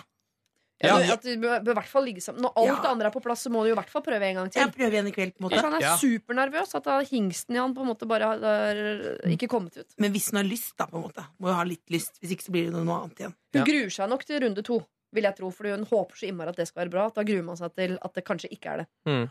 Men skal de snakke om dette her, syns dere? Er det for tidlig? Det er for tidlig å snakke om det. Ja, det kan du ikke. La Kan du ikke snakke om det? la Nei, det jeg snakke er de ville du det med en gang? Var ikke det litt dårlig? Jo, men ikke Ja, ja, oh, ja, det er veldig sånn ufarliggjørende måte å Ja. snakke på det på. da Var ikke det litt dårlig? Det er lett. Liksom.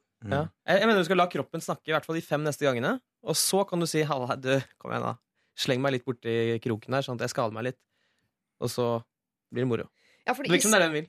Jeg mener jo at hinting ikke er godkjent kommunikasjonsmiddel, men jeg trekker det tilbake når det eh, handler om uh, sex. Der syns jeg at hinting uh, faktisk er ganske godkjent Det som Da må folk følge med på hintinga, for det er det vi driver med. Vi hinter. Ja. Når jeg flytter meg litt til venstre, så er det et hint om et eller annet. Mm. For eksempel. Ikke flytt fingeren etter da. Da er det jeg som prøver å tilpasse kroppen min etter hvor fingra dine er hen. Det Og så videre. det er som å- liksom. Det er som å hoppe på trampolinen sammen med noen. Du må Ja. prøve å finne den der greia der begge hopper like høyt. Ja. Og ikke den Det er sykt vanskelig, Det er faktisk. Ja, det er dritvanskelig. Det som overrasker meg litt, er at hun klager over blåmerker på lårene, men vil bli slengt i veggen.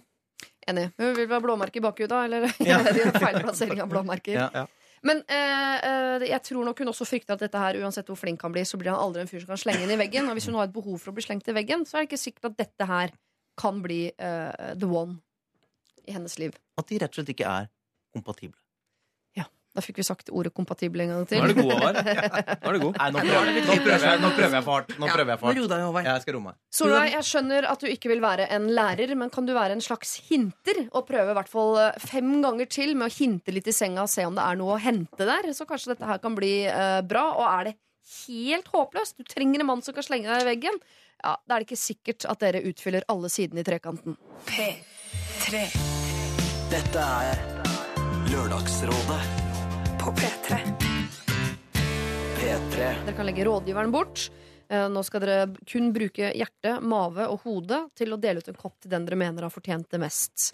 Jeg skal gå gjennom eh, dagens eh, kandidater. Eh, vi eh, startet altså tidlig i dag morges med Kaja, som er forelsket, vil jeg påstå, i en gutt, men som enten hun selv eller i hvert fall miljøet rundt mener at ikke er en meget vakker person. Så hun syns det er litt flaut, da. Og så hadde vi Åsne, som bor sammen med Ola og dama til Ola, og nå etter hvert også en godstol som har flytta inn. Og med det så har Ola flyttet inn i denne godstolen. Det irriterer Åsne, både som interiørfrelst, men også fordi det er irriterende at han bare bor der og roter der og sover der og gjør alt i den stolen. Så har vi André, da, som er eh, eh, sammen med en eh, jente som han bor sammen med og har barn sammen med, men han har også et forhold til søsteren hennes, og det er søsteren han egentlig er forelsket i, og prøver da å komme seg ut av den suppa der. Det er eh, vanskelig.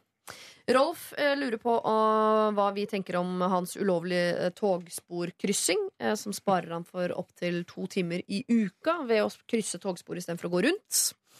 Eh, og så har vi en trofast lytter som eh, lurer på om hun skal være game og ta med seg en eh, kollega fra jobb eh, i bil til og fra jobb, i og med at de nesten er naboer, eller om hun kan få lov til å bare dyrke den egen tiden. Så eh, har vi en som uh, syns det er litt ekkelt at eh, en av gutta i kollektivet er forelsket i seg, og lurer på hvordan hun skal få sagt fra til han om at der er ikke noe å hente, gitt. Uten å på en måte eh, ta for gitt at han er forelsket, til for han ikke er det, osv. Alf eh, er usikker på om han skal dra på fotballtur med sin far, som har vært en utrolig dårlig far nå i mange år. Men han liker jo fotballen, da. Eh, Skal han gi det en sjanse? Og til slutt Solveig som lurer på om hun skal gi det hele en sjanse til denne gutten hun jo nylig har truffet, som er fantastisk på alle mulige måter, bortsett fra i senga. Ja, gutter og jenter. Ja. Hvem bør få kopp, og hvorfor? Jeg, jeg begynner. Jeg begynner. Begynn, Håvard. Ja. Der er du god. Eh, jeg vil si at han eh, André Ja, Det han holder på med, er jo det drøyeste. Altså, han ligger jo da med søstera til uh, samboeren sin, som han har barn med. Ja. Det eneste som altså, Hvis han skulle gjort noe drøye, så måtte han ligge med søstera si. Uh, samtidig. ja, Mm. det hadde vært uh, Det hadde vært tid. Ja, da, Det det kan bli, det kan bli verre, ting men Nei, da ja, ja, ja. Alt skal bli verre. Fortjener han en kopp? Som en slags premie? Nei, han, han fortjener ikke noe premie, men han, det er han som har malt seg mest oppi et hjørne. Ja, altså det, det har krevd baller å sende inn det her, for det, jeg tror ikke det er så mange som nødvendigvis er i den situasjonen. Så sikkert lett å kjenne seg igjen der eh, for de som det gjelder. Og han har jo noe som det, Han, har jo, han er er jo i vanskeligheter, stakkars. Veldig vanskeligheter, men han har satt seg der selv. Eh, og jeg er litt enig i at jeg vet ikke om det fortjener en premie, sånn sett. Men, men samtidig så er det Altså, jeg er enig i at det han har gjort, er veldig Det er, det er dårlig mannting å gjøre. Uh, men da Det er dårlig han, mennesketing. ja, ja, Ja. dårlig mennesketing. Unnskyld. Ja, vi Å, nei, det var ikke meningen å ta på strømpene. altså. Kjønnsnøytralt. Ja, ja, ja. Mm. Det er dårlig mennesketing å gjøre. Eh, På strømpene. Nei, jeg synes det var, ja, men det var morsomt. det var et nydelig bilde. Tusen takk. Siri, Ja. nå er du god. Nå, er nå, Siri. nå er det jeg som er altså. God. Nå er det jeg som er god. Ja. Men han er den, det rådet jeg har gitt, som jeg føler sterkest, bør følges. Og så du gir deg selv en kopp, egentlig, du, da. Ja. Nei, nei, men han må Flytt ut av bopelen. Han må vekk fra der han er, og det mener jeg sterkt. Og Derfor så mener jeg at den koppen, når han sitter eh, på den nye leide etterromsen sin og tenker gjennom hvem og hva han er, eh, for det har ikke nødvendigvis vært sånn kjempebra, så er det bra for han å ha den koppen for å stake ut veien videre. Det er klart at han har den tyngste veien å gå, hvis vi setter det opp mot øh, han som kanskje må slutte å gå over toglinja, eller hun som kanskje må kjøre bil sammen med noen, eller Mm. hun som kanskje har en som har forelska seg, eller hun som har en stol for mye, går kollektiv osv. Jeg ville sendt jo- en kopp til England, jeg. Til han, eh, han engelskmannen som muligens er for stygg.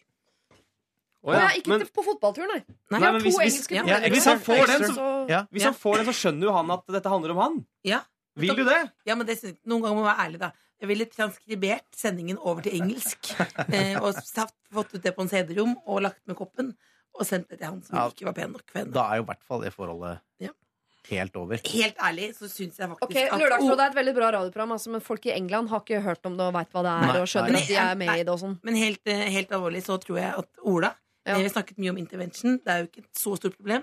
Men han eh, kommer nok ikke til å skille seg med godstolen sin og fortjener en kopp å sitte der med. Jeg, det var det jeg hadde tenkt å si. At selv om André gjorde meg mest oppskaket, eh, så ble jeg sjarmert i senk av denne forferdelig stygge stolen. Jeg synes det var Ja. ordentlig herlig. Men dere vil inn til Ola, altså ikke til Åsne som sendte inn problemet? Eller, Eh, jeg, eller til skal, kollektivet? hun skal si det blir enten stolen eller koppen til Ola.